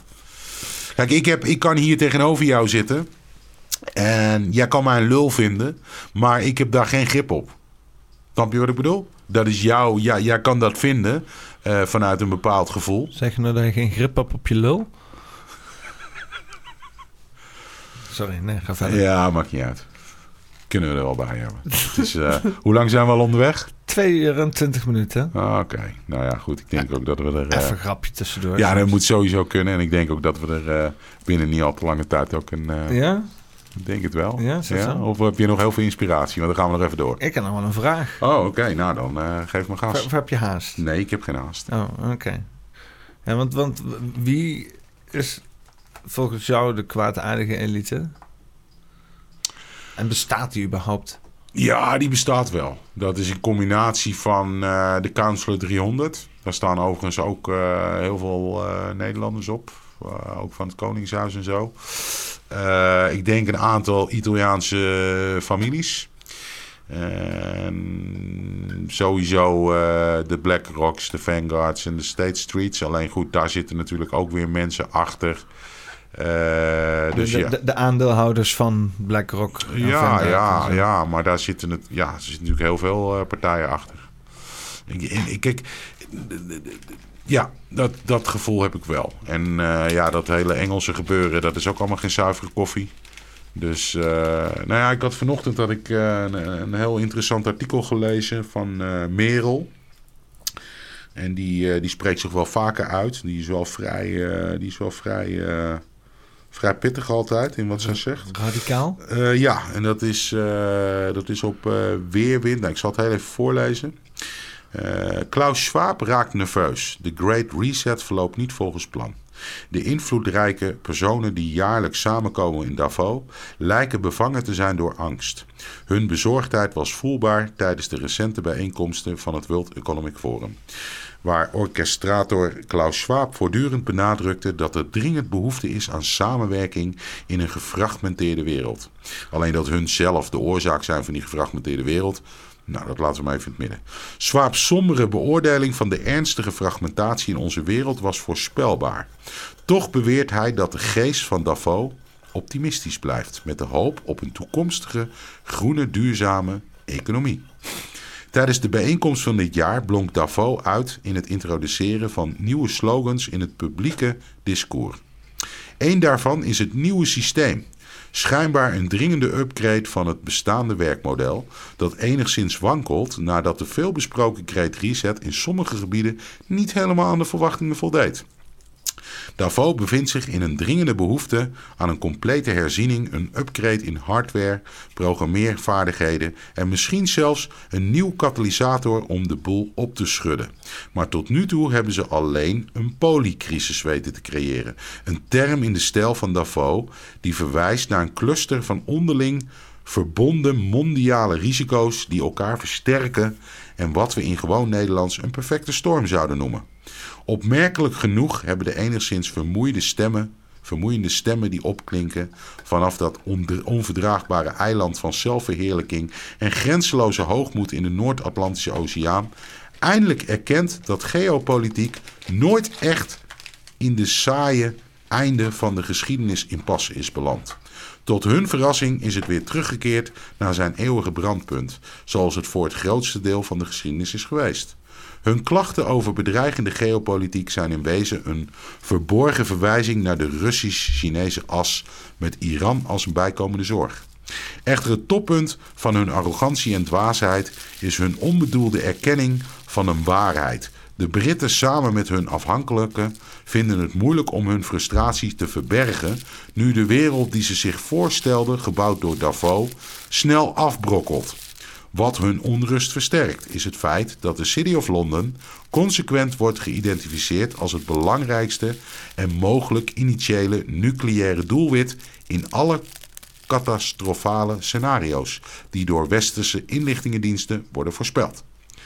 In werkelijkheid heeft Davos de wereld overspoeld met schadelijk beleid en beperkingen van vrijheid, maar het heeft nog geen echte wereld buiten zijn eigen gecreëerde, gecreëerde realiteit gebouwd. Davos heeft consequent de plank misgeslagen, grotendeels omdat deze zogenaamde elites voortdurend bezig zijn met het prijzen van het rijk van chaos en de rampzalige avonturen ervan in de Global South. Davos heeft niet alleen alle belangrijke recente economische omwentelingen gemist, maar heeft ook compleet over het hoofd gezien dat de huidige perfecte storm het gevolg is van de door neoliberalisme veroorzaakte de-industrialisatie van het collectieve Westen. Nou, het verhaal duurt nog veel langer. Ik ga het niet uh, verder voorlezen. Maar uh, ik denk wel dat het goed is dat je het even laat zien. Het is dit artikel. Oké, okay, even is gewoon op Google te vinden. Nou ja, weerwind.com op weerwind. Weerwind, weerwind, wind, weer, weerwind, weerwind, weerwind. Daar zie je nog een keer. Nou ja, raakt. Weerwind. Ja, nou, ik vond het wel een interessant artikel. Het duurt net even wat langer, maar ik wil de luisteraars niet uh, uh, te lang uh, laten luisteren daarna. Dus uh, dat is mooi iets wat ze zelf even kunnen checken. Doe je eigen onderzoek. Nee, zo, uh, zo brengen we het ook nee. Ja, Klaus Schwab, raakt, Klaus Schwab raakte nerveus van Weerwind. Ja. Ja, ja die hele Davos gebeuren is, uh, is een shitshow natuurlijk. dat is, over poppenkast gesproken. Of nee, of nee. Oh nee. Poppenkast. Wat is dit voor een poppenkast? Poppenkast. ja, ja, dat is het ook. Ja, dat is het zeker. Dus, uh, nou ja, oké. Dus, uh, nou ja, misschien... Uh, want in mijn... Kijk, jij, ik weet niet hoe het met jou zit, maar ik, ik denk dat er gewoon heel veel mensen gaan vallen voor van alles en nog wat de hele tijd. En dat het gewoon, hoe dan ook, in een verdeelde wereld, dan wel niet in een, een hele vreemde wereld, mensen een of andere technologisch... transhumanistisch gare uh, hive mind in worden gezogen. Hè? En dan een uh, mond dat zich uit in een superstad. Waarbij je dan ook mensen hebt die daar niks mee te maken moeten hebben. ik denk dat het zeker wel uh, rendabele shit is dat dat gaat gebeuren en zo. Um, um, wanneer Vissa? Ja, dat is heel moeilijk te zeggen. Kijk, kijk laat ik het zo zeggen eh, ik denk wel dat we een climax gaan naderen. En ik denk dat we dit jaar al hele grote veranderingen gaan zien. Ehm, maar ik denk dat uh, when the shit hit the fan...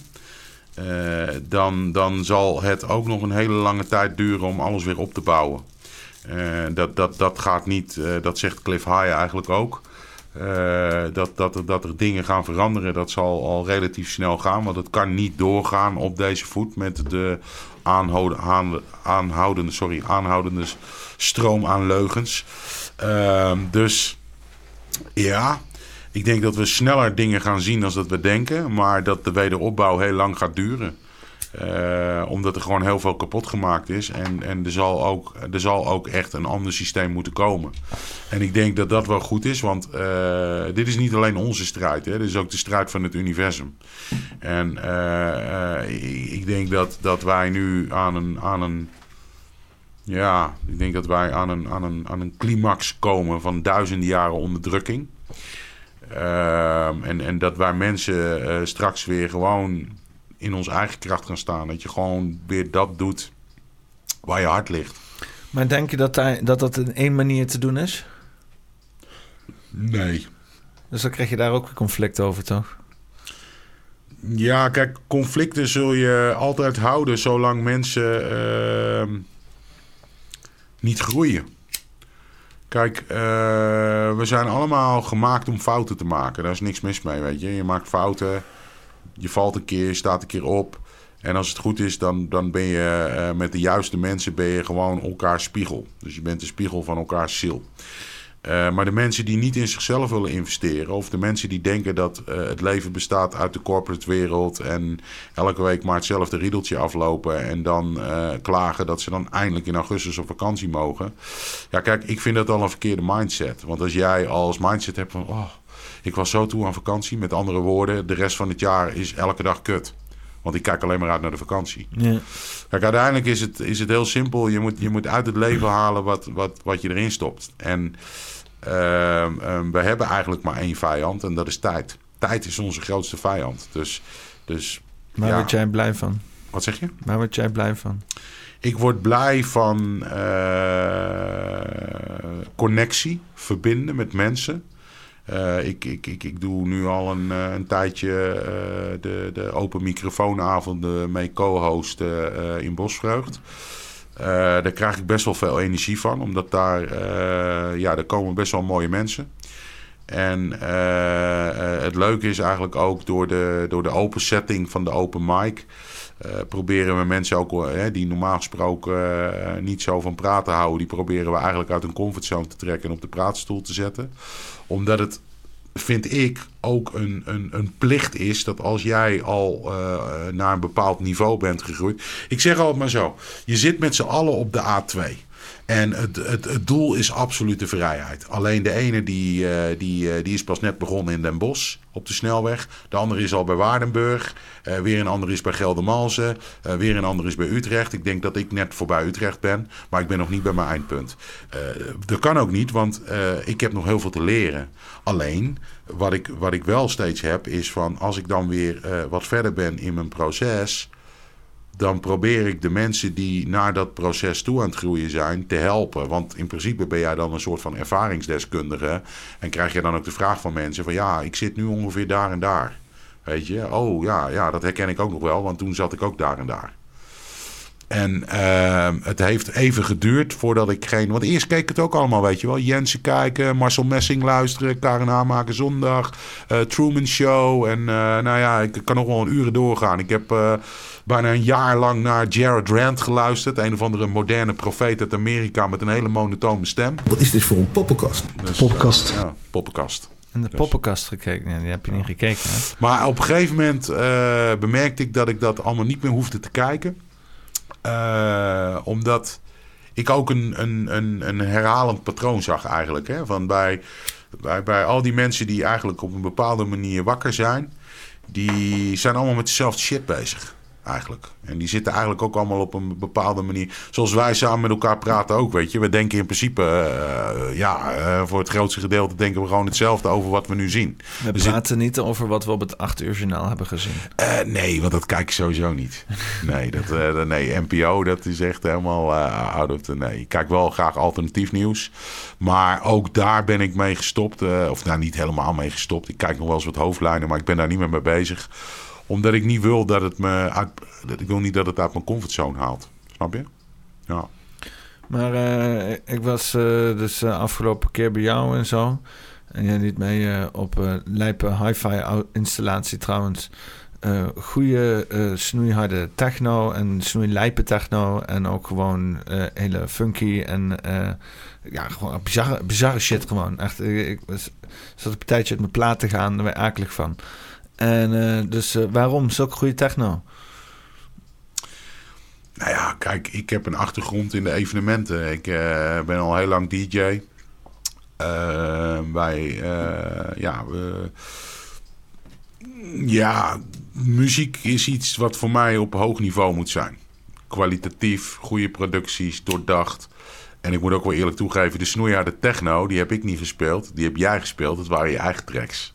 Remember? Ja, die waren wel snoeihard. Die waren wel snoeihard. Maar niet zo lijp als dat de shit die jij opzette. Nee, dat maakt niet uit. Want jij hebt wel, en dat is ja, een compliment wat ik je ga maken natuurlijk. Ja, ik heb zeker vier, vijf tracks gehoord waarvan ik echt zei van wow, hoe heb je die shit gemaakt?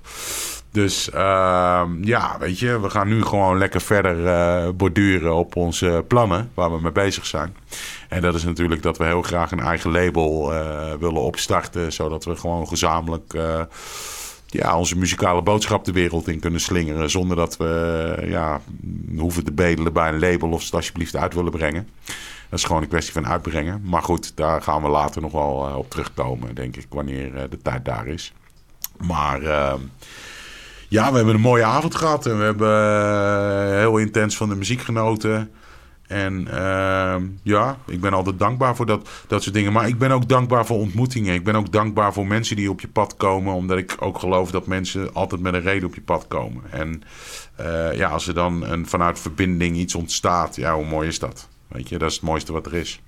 Maar dan vroeg ik dus zeg maar, uh, wanneer Vessa het Bosperians ga je iets, uh, iets doen, toch? Of, uh...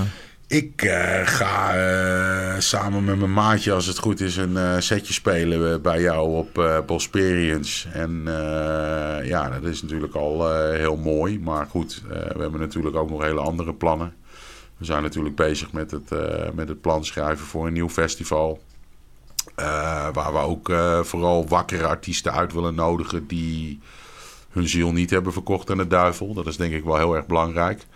Want ja, wij hadden een goed lopend dingetje in 2019. En uh, ja, uitverkochte ADE-editie. En ja, dan, dan komt die bullshit. En ja, wij hebben eigenlijk vanaf dag één gezegd van wij gaan... De muziek is, muziek is, is, ja, laat ik het zo zeggen. Dansmuziek is iets universeels. En dat verbindt eigenlijk de hele wereld. En dat mag niet uitgebuit worden. Laat staan dat je mensen uit gaat sluiten, om wat voor reden dan ook. Dus wij hebben eh, eigenlijk toen al gezegd van ja, het resoneert niet meer met ons. Plus dat de hele dance scene helaas ook meegegaan is in dat narratief. En uh, het groot gedeelte wel, niet allemaal, maar een heel groot gedeelte wel. Ik bedoel, wij hadden best wel een aantal jongens in ons netwerk die ja, grote festivals gaven in Nederland. En die gingen toch gewoon mee met de staat. En ik heb ze ervoor gewaarschuwd, maar ja, dat was aan Dovermans oren gericht. Die wilde toch niet luisteren. Die dachten maar aan één ding, als we maar weer open kunnen. Alleen, ja, daar gaat het niet om, weet je. Muziek is, is een, een, een pure beleving. En uh, de muziek hoort vrij te zijn. Net zoals dansen vrij hoort te zijn. Je hoort, je hoort jezelf vrij te voelen daarin. Dus op het moment dat wij, ja, om maar met wat voor vorm van uitsluiting te maken krijgen, ja, dan, dan worden we eigenlijk al allergisch. Want dat is niet wat we willen. Is de Nederlandse dance scene sowieso niet uh, vrij uithoerbaar, zeg maar? Ja, zeker. Maar dat komt omdat je, uh, wat je in de dance scene ook hebt gezien, is hetzelfde globalistische plannetje wat, wat je natuurlijk hebt gezien bij de multinationals en bij de grotere bedrijven. Uh, zag je ook gewoon dat in de, in de dance scene werden de, de kleintjes opgekocht door de grote. Ja, en dan op een gegeven moment gaat het niet meer om de kwaliteit van de muziek. Op een gegeven moment gaat het alleen maar om van hoeveel kaarten verkoop jij. En uh, dan, dan schiet je op een gegeven moment de essentie voorbij. Hè? Artiesten worden op een gegeven moment uh, slachtoffer van hun eigen stijl. Uh, worden bijvoorbeeld, zijn, zijn bijvoorbeeld ergens mee doorgebroken en zullen de, de, de rest van hun leven dat moeten doen, want anders worden ze niet meer geboekt.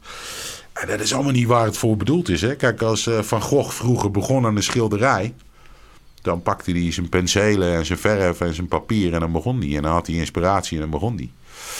En uh, als jij in een, in een keurslijf geduwd wordt en jouw boeker zegt tegen jou: ja, je moet wel een beetje populair spelen hoor, want anders kan ik je niet wegzetten.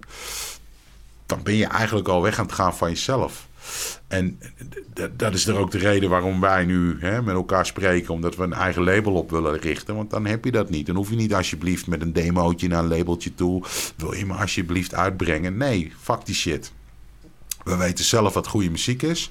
We brengen het uit en de mensen mogen beslissen of ze het tof vinden of niet. En als mensen het tof vinden, heb je bestaansrecht. Gewoon, Simpel. Gewoon zelf shit doen. Exact. De koe bij de horens pakken en de regie zelf nemen. Ja. Ja. Je vroeg eh, voordat we begonnen eh, van uh, Anne een titel voor deze podcast. En dan nu onthul ik mijn creatieve proces voor het verzinnen van de titel. Namelijk, dat doen we aan het eind. Samen. Saampjes hier zo. In de podcast. Zodat goed. iedereen weet waar de fuck die rare titel vandaan kwam. Oké, nou, noem hem. Bring it on. Nou ja, ja ik, ik, ik weet niet. eh, zijn er woorden die bij je naar binnen schieten? Eh, Ja, ik zat eh, aan het begin te denken aan Connecting the Dots. Eh, Ik vind het wel een goede connecting the dots. Weet, je, weet, je, weet je waarom? En dat is misschien wel een, een beetje ook, ja, ik weet niet, het is even een comedy factor. Eh, er is laatst een, eh, een, eh, een documentaire, oh, dan moet ik even ergens anders even vinden. Ehm, eh, een documentaire uitgekomen. Ehm, dat heet, eh, is van Media Logica. En dan gingen ze dus over allerlei media outlets, lo- zoals Weltschmerz en Huig Plug en, en Pieter Parlevliet, die dus met die hele vissers gebeuren ook allemaal shit heeft. En, en eh, Riepke Zeilmaker en eh, Blackbox en eh, al, die, al, die, al die figuren. eh, gingen ze dus eh, ja, in- over het zeggen waar, waar hun dus net hun, hun invloeden vandaan komen. Weet je wel? Om, eh, om al iets te verraden. De- de- deze, deze heeft er iets mee te maken. Weet je wat het is? Er staat familie op. Ja, weet je wat het is? Ehm.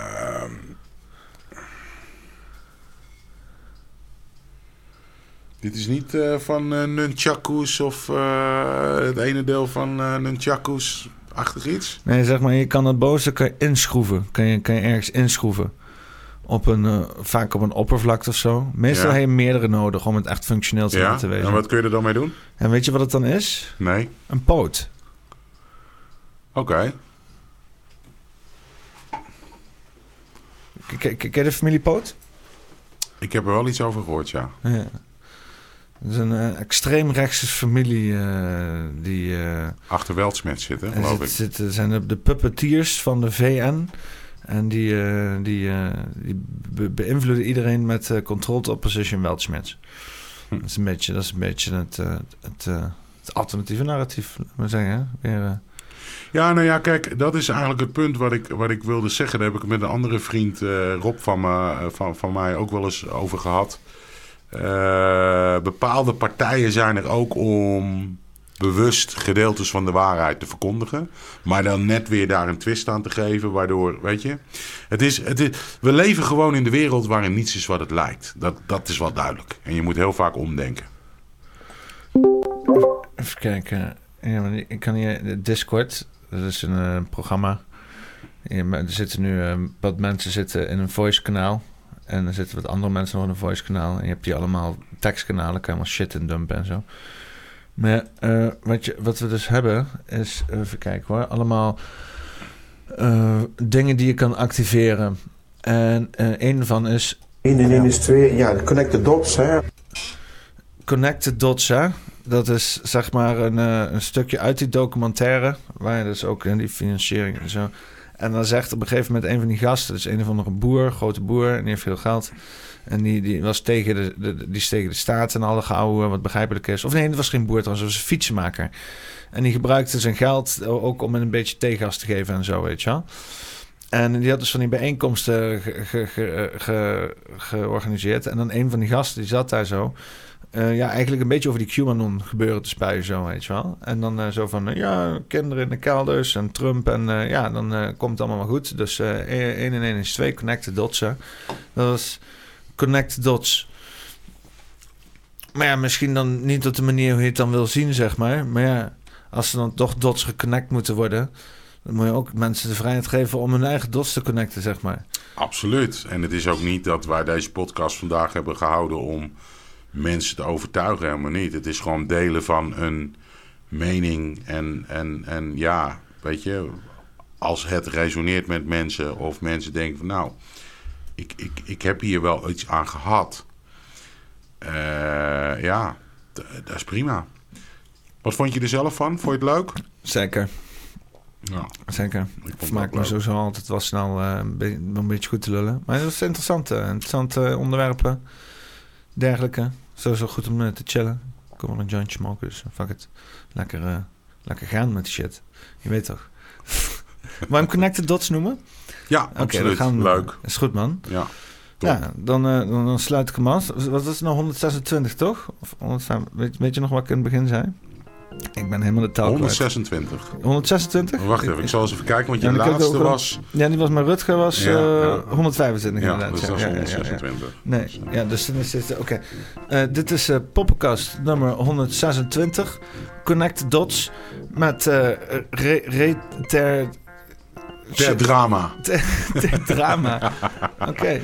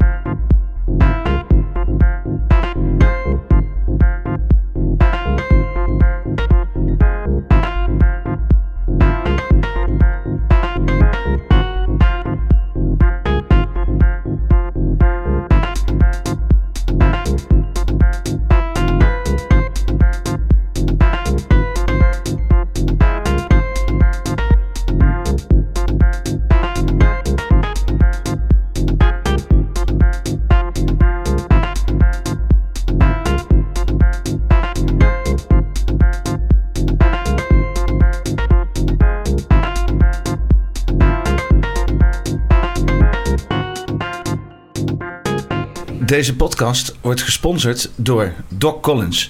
Breng ambacht weer terug in de schappen.